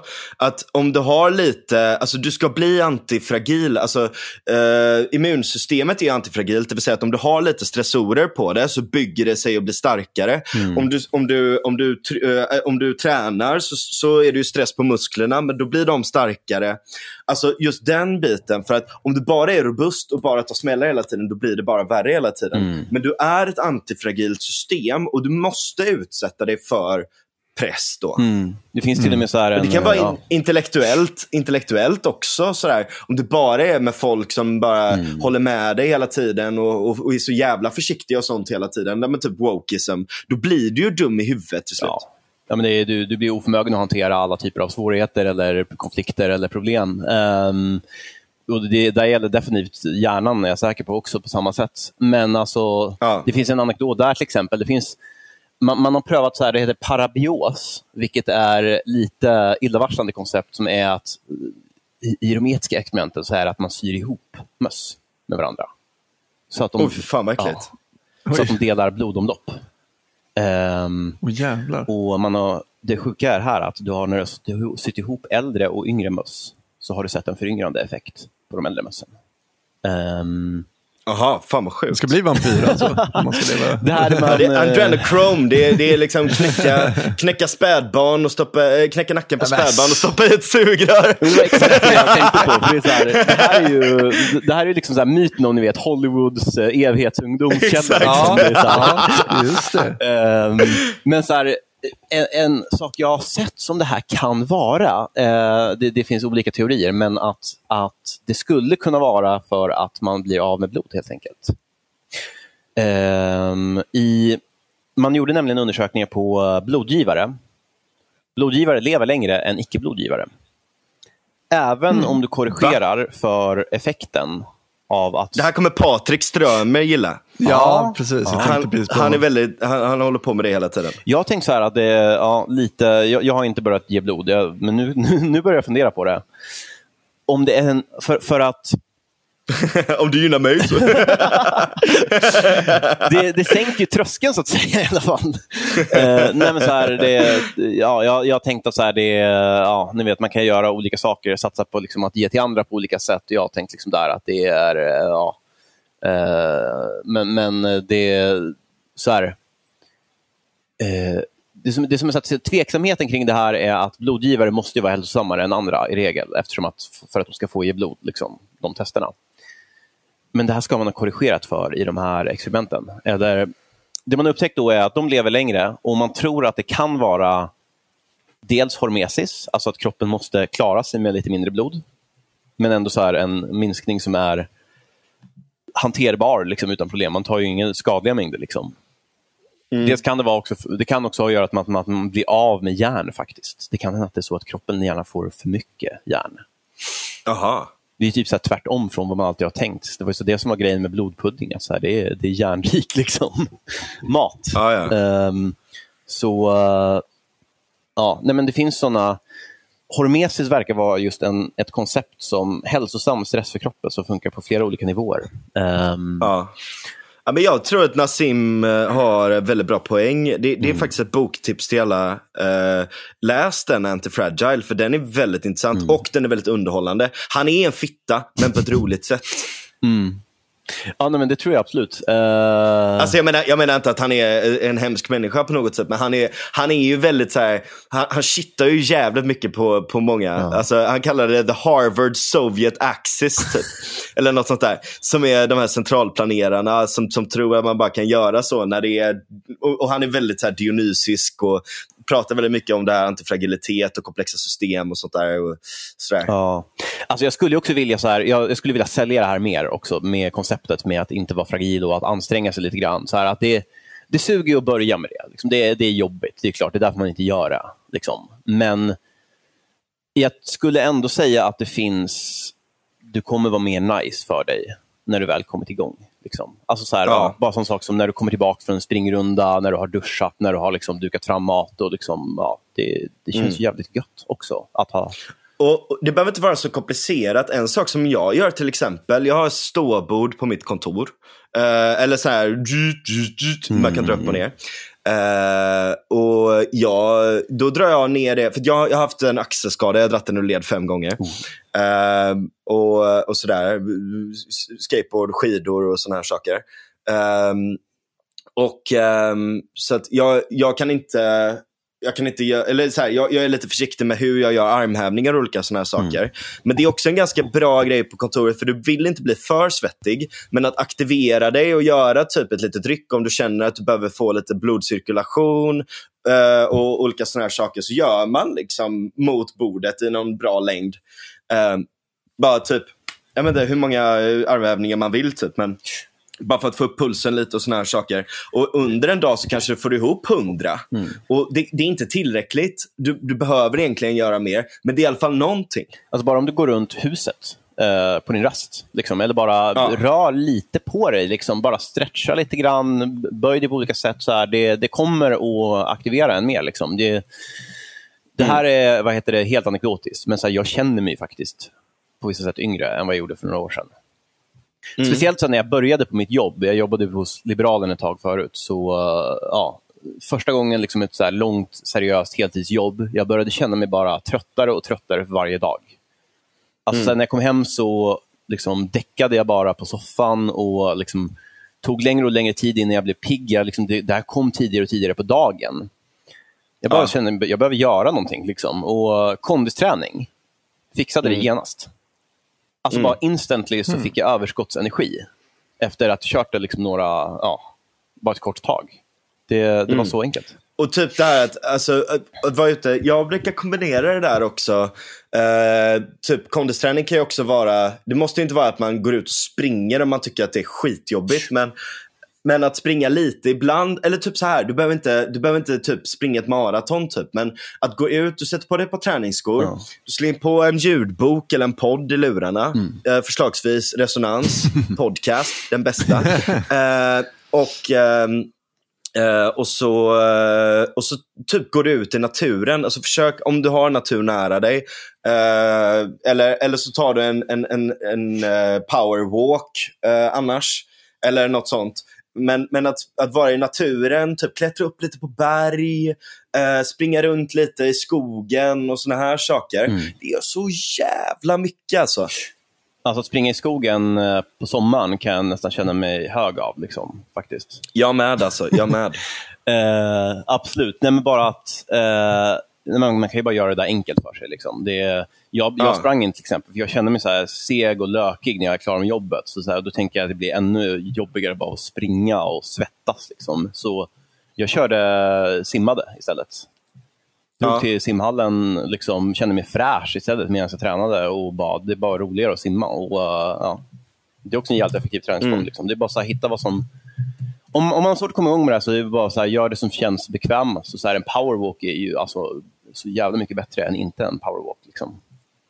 Ehm, Mm. Det är min grej. Att tanken på att gå till en, till en simhall är... Nej. är lite, ja, För mycket Ja, folk. det är lite jobbigt ibland faktiskt. Simmar in i varandra. Och, liksom. Men, ja, äh, usch. Ligga och marinera sig i samma vatten som en massa andra galningar. Nej. Men en, en powerwalk, en promenad, det är fan... Det är grejer det. Ja, jo. Och det finns säkert någonting annat. Så lagsporter också. Jag har börjat cykla till eh, skolan. Jag pluggar ju nu. Så uh, Ångström liksom ligger typ 6 kilometer från där jag bor. Bara så det blir en ganska bra cykeltur uppför. Jag fick någon grym selfie där från dig i en gruppchatt häromdagen. Vad var det för? Ja, ja just det. När bara... du- Det är lite face-off. eh. Precis. ja, ja, jo, man får betala priset av det, att man, eh, man ser lite tokig ut och får crazy hair day varje dag liksom, i. Precis. Mattias Svensson gör ju alltid så. Han kommer alltid, va- var man än är någonstans, om man ska dricka bärs eller om man ska göra vad som helst, så kommer han alltid som en, så här, eh, som en yrvind in genom dörren, fortfarande lite svettig och flämtande. Så här bara, ah, tjena, tjena. Man cyklar alltid från Lidingö. Liksom. ja, precis. Så det- Från Lidingö alltid- dessutom. Fan, det där har jag aldrig tänkt på, men så här, han är ju så, här, så påtagligt jävla liksom, hälsofascistisk för en person Ja, som jag vet. kämpar mot Det är väldigt konstigt. Jag vet, det är så jävla roligt verkligen. Men det, är också så här, det, är, det är lite skönt Ja. att bryta stereotyper på. Att jag tyckte jag hade lite så här töntstämpel i början. Bara så här, ah, vadå, liksom, vill du inte dricka bärs liksom, och röka? Det är ju så nice. Liksom. Eh, Så här, ja. Ja. Eh, och jag vet inte riktigt vad, vad jag, hur jag ska säga, kontra det här, men bara så här. Nej, men Ja. jag, jag håller med. Jag tycker, jag tycker också den... Jag har, har väldigt stor respekt för folk som inte gör de grejerna. Mm. Men däremot så vill jag göra det själv. Alltså, och där är också den grejen typ att hitta sin, sin egen rytm, hitta sina egna mönster och odla sin egen eh, dygdighet i det också. Vad själv ser man som en dygd.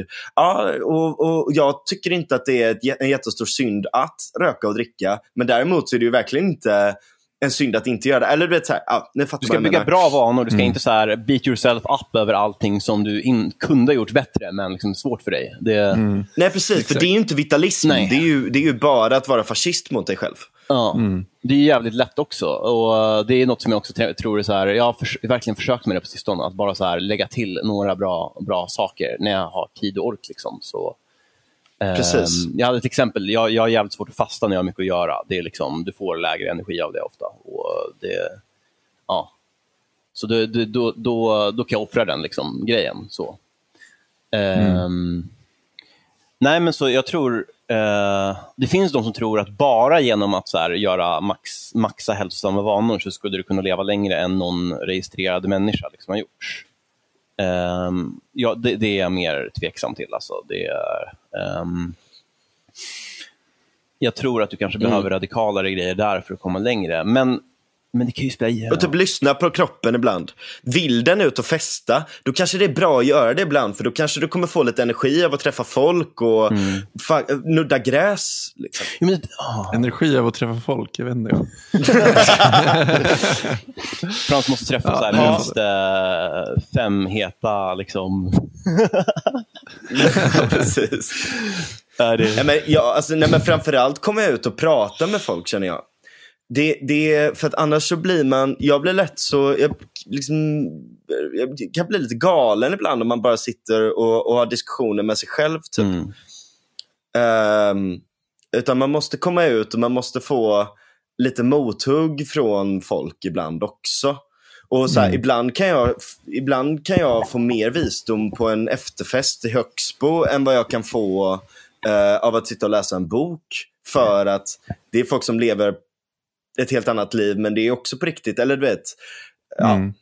Och det är ofta ja, där man verkligen gör no hamnar någonstans där man absolut inte hade väntat sig. Liksom.